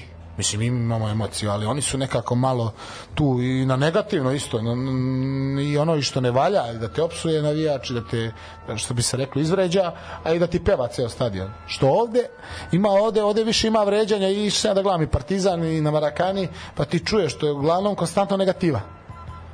Da. Nema ono puno Mi, mi pričate sa vlasnicima sezonskih karata. E, pa eto, da, pa tako dobro, pa da, pa eto, da nisam upućen u to, ali- to je... Pa da, mislim, ne, pakao, ne pakao. sa naše strane, Ali stvarno bez razloga nekad, mislim, ne branim Apsolutno. igrači. A evo, bez razloga reći ću ti, ove sezone sam pogledao preko 30 utakmica Superlige Srbije. Što Vojvodine, Partizana, Kolubare, Lučana, Voždovca, bla, znači sve smo obišli što sam može, što se može ali i svuda je isto. Svuda je to isto, znaš, Neka ako nije u negativa. prvih pola sata, znaš, ako nije ono, ja ne znam šta, a čak i na Partizanu bude, ako i u prvih pola sata pogledano što opet bude. Da, Da, Partizan to- je baš nešto se negativna atmosfera nažalost napravila, ali vraća se to. Ali ovaj tako je, mislim i u Bosni je to isto uređanje ozbiljno, ali ali opet s druge strane e, opet su ljudi onako hoće da nagradi dobar potez i igrača i ono, isto nezgodno je tamo, mislim, sve to isto, Bosna, Srbija, sve to isti generalno mentalitet, ali opet tamo je to malo izraženije, bio je taj, nažalost, rat nesrtni, i onda su valjda ljudi ostali, one stare generacije po tim nekim emocijama ne vređaju, ja nikada u životu nisam doživeo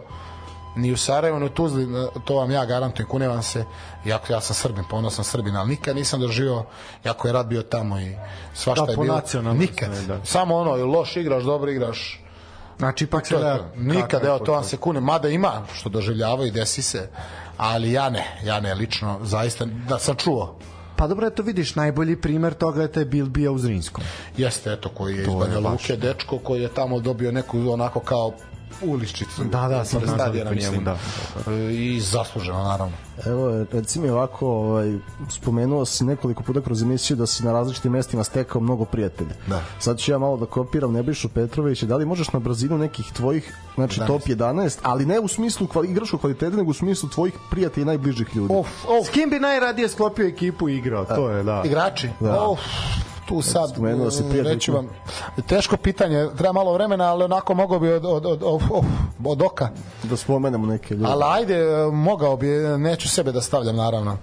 Stavio bi, stavio bi Tavareza iz Maribora i Osmanovića u napad, ajde, u 4-4-3. U 4-4-3. U Aj, 4-4-3. Dobro, Osmanović, Tavares. Dobro. Tavarez, Osmanović i stavio bi stavio bi koga bi još to stavio sastav je malo zatekli ovaj, Kako bi stavio na golu?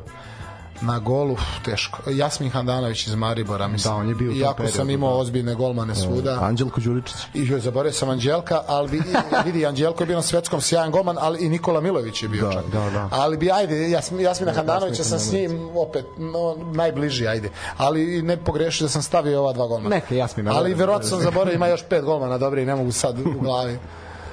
Ovaj, stavio bi levog beka Pompiliku Stojka, bivši repstivac Rumun, igra u Steu, igra u, u, u Rusiji dugo, levi bek. Dobro. Desni brek, bek, uf, teška pitanja.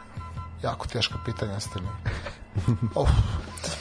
Ne znam koga bi desnog beka, ko mi pada na pamet, ima iz Maribora.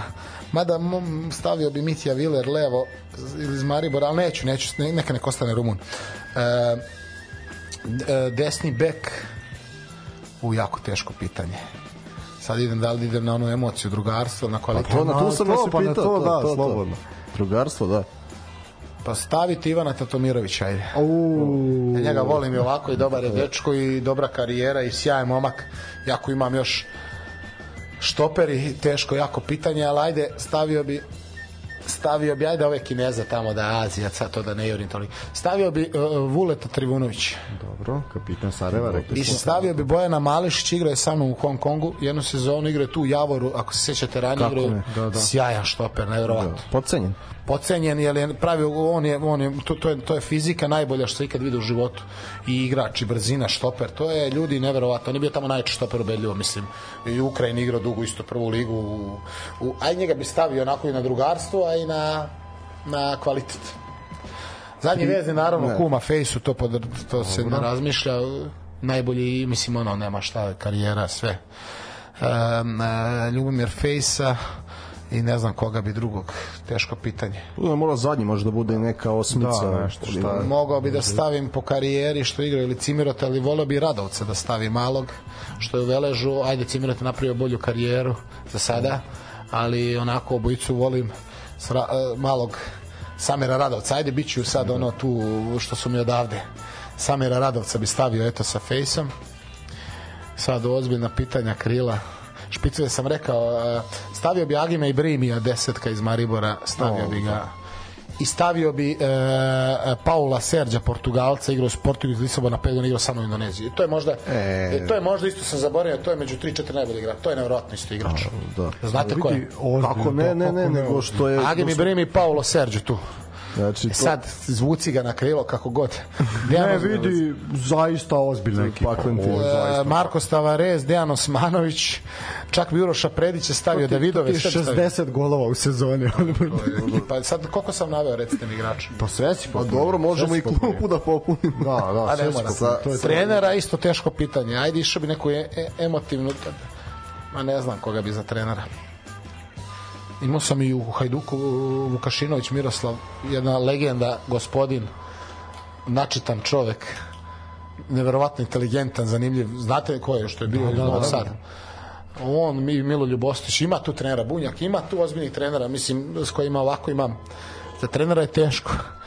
Tako da, aj, naveo sam možda i mogu i bolji tim, ali ajde nekako sam što mi je prvo u glavi, to sam odavde išao, nisam ima, ima dobri igrača što sam igrao i u, i u, u Kini koji možda bi pre njih mogli, ali ajde onako što mi prvo na pamet palo. ovo je- ovo je za bi naše tri tima slušalce. Ovo je za naše, da ovo su nam svi nama Imam poznati Kineza, dva, momci, tri da. ozbiljna igrača, ozbiljna, koji isto mogu tu da uđu, ali nepoznati su za javnost. Sad, sad, sad, evo to možemo, pa ćemo polako zatvaramo, zatvaramo emisiju. Uh, zašto, šta je neko tvoje, eto, bio si po toj Aziji i sve to, uh, zašto njih nema toliko u Evropi? Da li nemaju kvalitet ili ih jednostavno mi ne zanimamo?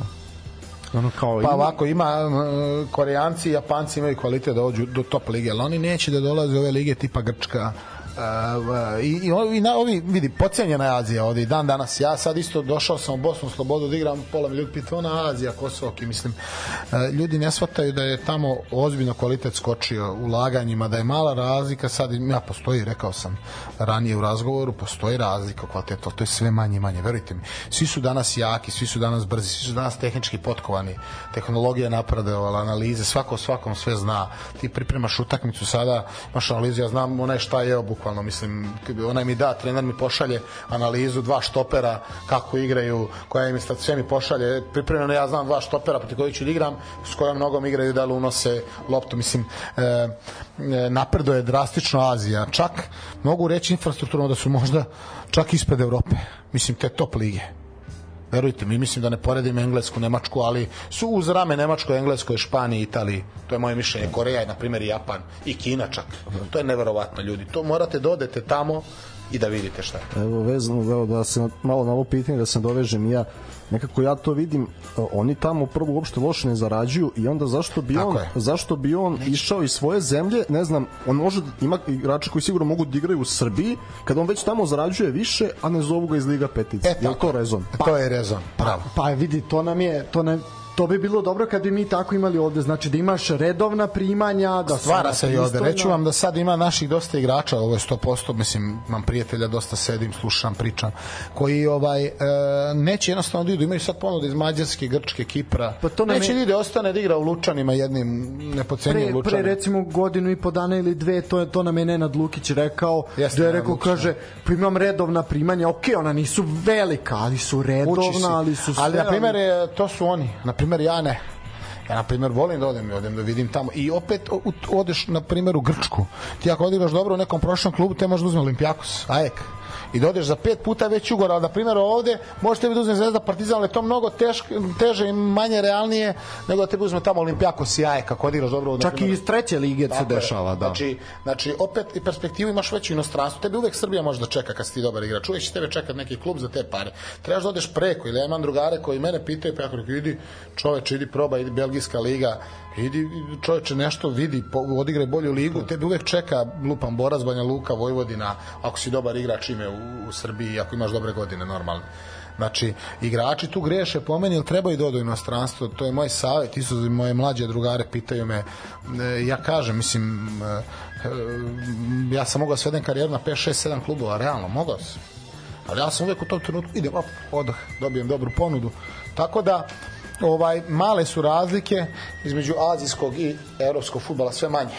Iako će uvek biti razlike, jer opet Real je Real, neće nikad moći ona urava iz Japana bude ko Real Madrid, mislim, realno. Da. Jako je to mala razlika, verujte mi. za kraj Reci. šta su planovi za narednu sezonu Ništa, evo, ajde, moram da kažem, mislim, ja sad 35 godina imam, nekim sam godina da je već ljudi sa 32, 30, ali ja zaista se osjećam dobro. u formi si ne I, znaju ljudi, motivisan sam, zaista volim futbal, sad i finansijski kolač nije, mislim, nije toliko bitan koliko je da igraš i dalje, taj osjećaj, ta, ta emocija između navijača, igrača, taj kad ti daš gol, taj osjećaj kad ne možeš ti da zaspeš do pet ujutru adrenalina. Kad mene drma adrenalin sa 35 godina, onda znači da još planiram dugo da igram. Tako da vidjet ćemo fizički, naravno, nije isto kad imaš 20 godina i 35, to je normalno, laže ko kaže da ni, ali zaista se osjećam dobro, posebno za ove lige ovde mislim da mogu još dugo da igram i da, da pravim jako mnogo, pravo. jako mnogo poruka je bilo kad smo mi tebe najavili sve jako mnogo poruka je iz Tuzle bilo gde su ljudi rekli aj do vrati se dođi samo naš sve je bilo kao toliko toliko ovaj lepih poruka i sve tako da u tom slučaju mislim da te i Tuzla uvek čeka Pa vid, vidite, ja sam rekao, to mi je Tuzla, Sarajevo, to su nekako dva grada da ono, bio sam i u Mariboru da imam dosta prijatelja, opet Slovenija nije ta emocija. Primer, e, Sarajevo i Tuzla zaista su mi onako, ne mogu da napravim razliku i sam i stvarno ovde doživao sjajne trenutke tamo. U smislu privatnom životu, emociju s navijačima, s narodom. Tako da ovaj, e, sve moguće, ne znam, ne znam šta će sutra biti, zaista ovaj sigurno ću negde da odem u neki klub, da li ću u Tuzlu, da li ću neke druge klubove, da li ću u Srbiji, da li ću u Bosni, da li ću u neku treću državu. Zaista, kod mene se nikad ne zna kad si napadač, normalno da sad pozne godine i da sad gledaš onako možda da si bliže i kući e, i zbog porodice i nekog privatnog života. Tako da ono ulazim naravno završne godine hoću i da se edukujem što tiče licenci i drugih funkcija, hoću da budem edukovan, to su mi neki planovi u budućnosti zaista ovaj da imam sve te diplome da završim da se školujem da sutra ostanem u sportu tako da zaista planiram sigurno još par godina da igram i gledat ćete me obećavam sad gde vidjet ćemo I mi obećavamo da ćemo gledati. E, da, evo, da, evo od mene za kraj nešto, sam si, evo, da se dovežem, pomenuo si te funkcije, da li misliš s obzirom na taj broj konekcije i to što si rekao da si prilagodi, da se lako uklopiš, da umeš s ljudima, da li misliš da bi bio jedan dobar futbalski agent u smislu da nađeš igrača po svetu i da ga zaštitiš? Pa jedno i drugo iskreno, to je sve sastavni deo. Ako budem se opredelio za to, vidjet ćemo. Sad, ostaću u futbalu sigurno, to verovatno 90 Bože zdravlja, ali sad šta ću biti, ne znam. Mislim da mogu na svaku stranu da idem. Mislim da, da onako, mislim da imam kapacitet. Sad, imam dosta prijatelja iz tog sveta, znači direktno rečeno agenata, menadžera, imam vamo od, što se tiče trenerskog posla, čak možda i na funkcijama nekim, tako da vidjet ćemo, ovaj, hoću da se edukujem zaista, da, da, da budem edukovan za sve moguće funkcije, od trenerskog posla, menadžerskog, nekih funkcija u klubovima, savezima, nebitno, jer zaista imam neke ambicije onako fine i vidjet ćemo šta će budućnost reći, ali definitivno ovaj, to je jedna od mogućnosti da mislim da mogu da prepoznam igrača.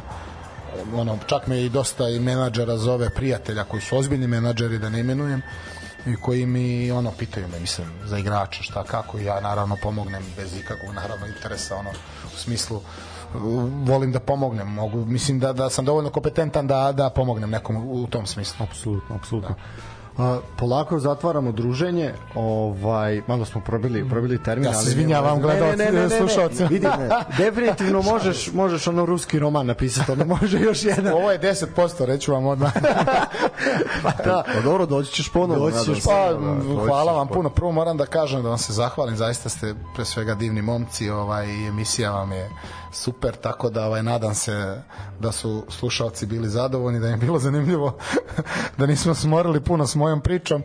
Tako da ovaj hvala vam puno momci, hvala vam puno, zadovoljstvo mi je bilo. Hvala tebi što emisiji. si, što si u jeku priprema odvojio vreme. Pa dobro, da, tu nas. sam u Novom Sadu, nisam novosađanin, no kao da jesam, tako da tu živim. E, tako da ova relacija moja Crvenka Novi Sad, tako da sam uvek dostupan i za, i za emisiju i za bilo šta drugo. Zaista, hvala ti još jedan što si izdvojio vreme za nas. Ovo je zaista onako bilo uživanje s naše strane, onako, da kažem, jedna emotivna emisija. Prvo jer smo te mi gledali kao klinci i zajedno sa tobom i Hajdukom i svem tog što se, to Meridian Superliga, Da, kako se Meridian, tad jeste, zvala. Meridian. Ovaj, smo i mi, smo i mi zavoleli, zavoleli ovaj naš futbal i evo borimo se na ovom frontu da on bude, bude popularniji, da ljudi pričaju o njemu i da posećuju stadione, Dimi vodit ćemo te ne brini. Ovaj, tako Ići da, da, ići ćemo svakako, tako da zaista i, i ta, a pogotovo ta regionalna priča i to spajanje, to nam je vidiš blisko blisko Da, da, da, uvek vidim, srcu, tako da zaista mi smo ti veoma zahvalni i želimo ti ne sreću, nego zaista onako sve moguće otvorene puteve i šanse i radujemo se da te gledamo makar još jednu ja, sezonu. ja da se zahvalim i zaista mi je drago što kad god spomeneš neki klub svojih prostora kažeš doći će to, bit će bolje eto iskoristi taj optimizam sa svojim prijateljima i da vi unapredite ovaj naš futbol. Pa nadam se, nadam se, ovaj zaista ako budem ikako mogao u budućnosti da pomogne volovi najradi u svojoj državi, da radim i da u nekom normalnom sistemu da da napreduje naš fudbal, na, sigurno ima dosta još prostora da napreduje. Takvi, takvi ljudi nam trebaju. E, hvala vam, hvala vam puno još jednom, hvala. Ljudi, uh, eto, ovom emisijom nismo se puno bavili aktuelnostima, ali svakako sledeći ponedeljak pričamo o transferima, prelaznom roku, ko će na koga, šta vamo tamo, tako da izvučene su i neki neki ovaj protivnici već u evropskim kvalifikacijama, tako da ćemo o svemu tome, svemu tome pričati naredni naredni ponedeljak. Znate da nas to čeka svakako cele godine uz druženje s nama dvojicom, a večerasni gost se zaslužio da se posvetimo samo njemu. Apsolutno. Od mene, laku noć. Laku noć ljudi, uživajte. Ovi neradnici što rade jutarnji program, ova dvojica, sutra neće kukati što smo ovde miksetu pomerili, ali nema veze, oni su na godišnjem odmoru, ali mi zato radimo da bi oni mogli na godišnji odmor, a mi ćemo da radimo dugo i toplo leto je ovde, pošto nema klimu u studiju, biće, biće gadno. Ljudi, odmarajte, uživajte, mislim da večeras poslednji kupek za ovu sezonu od 22 časa, a mi se čujemo narednog ponedeljka, uživajte, pozdrav.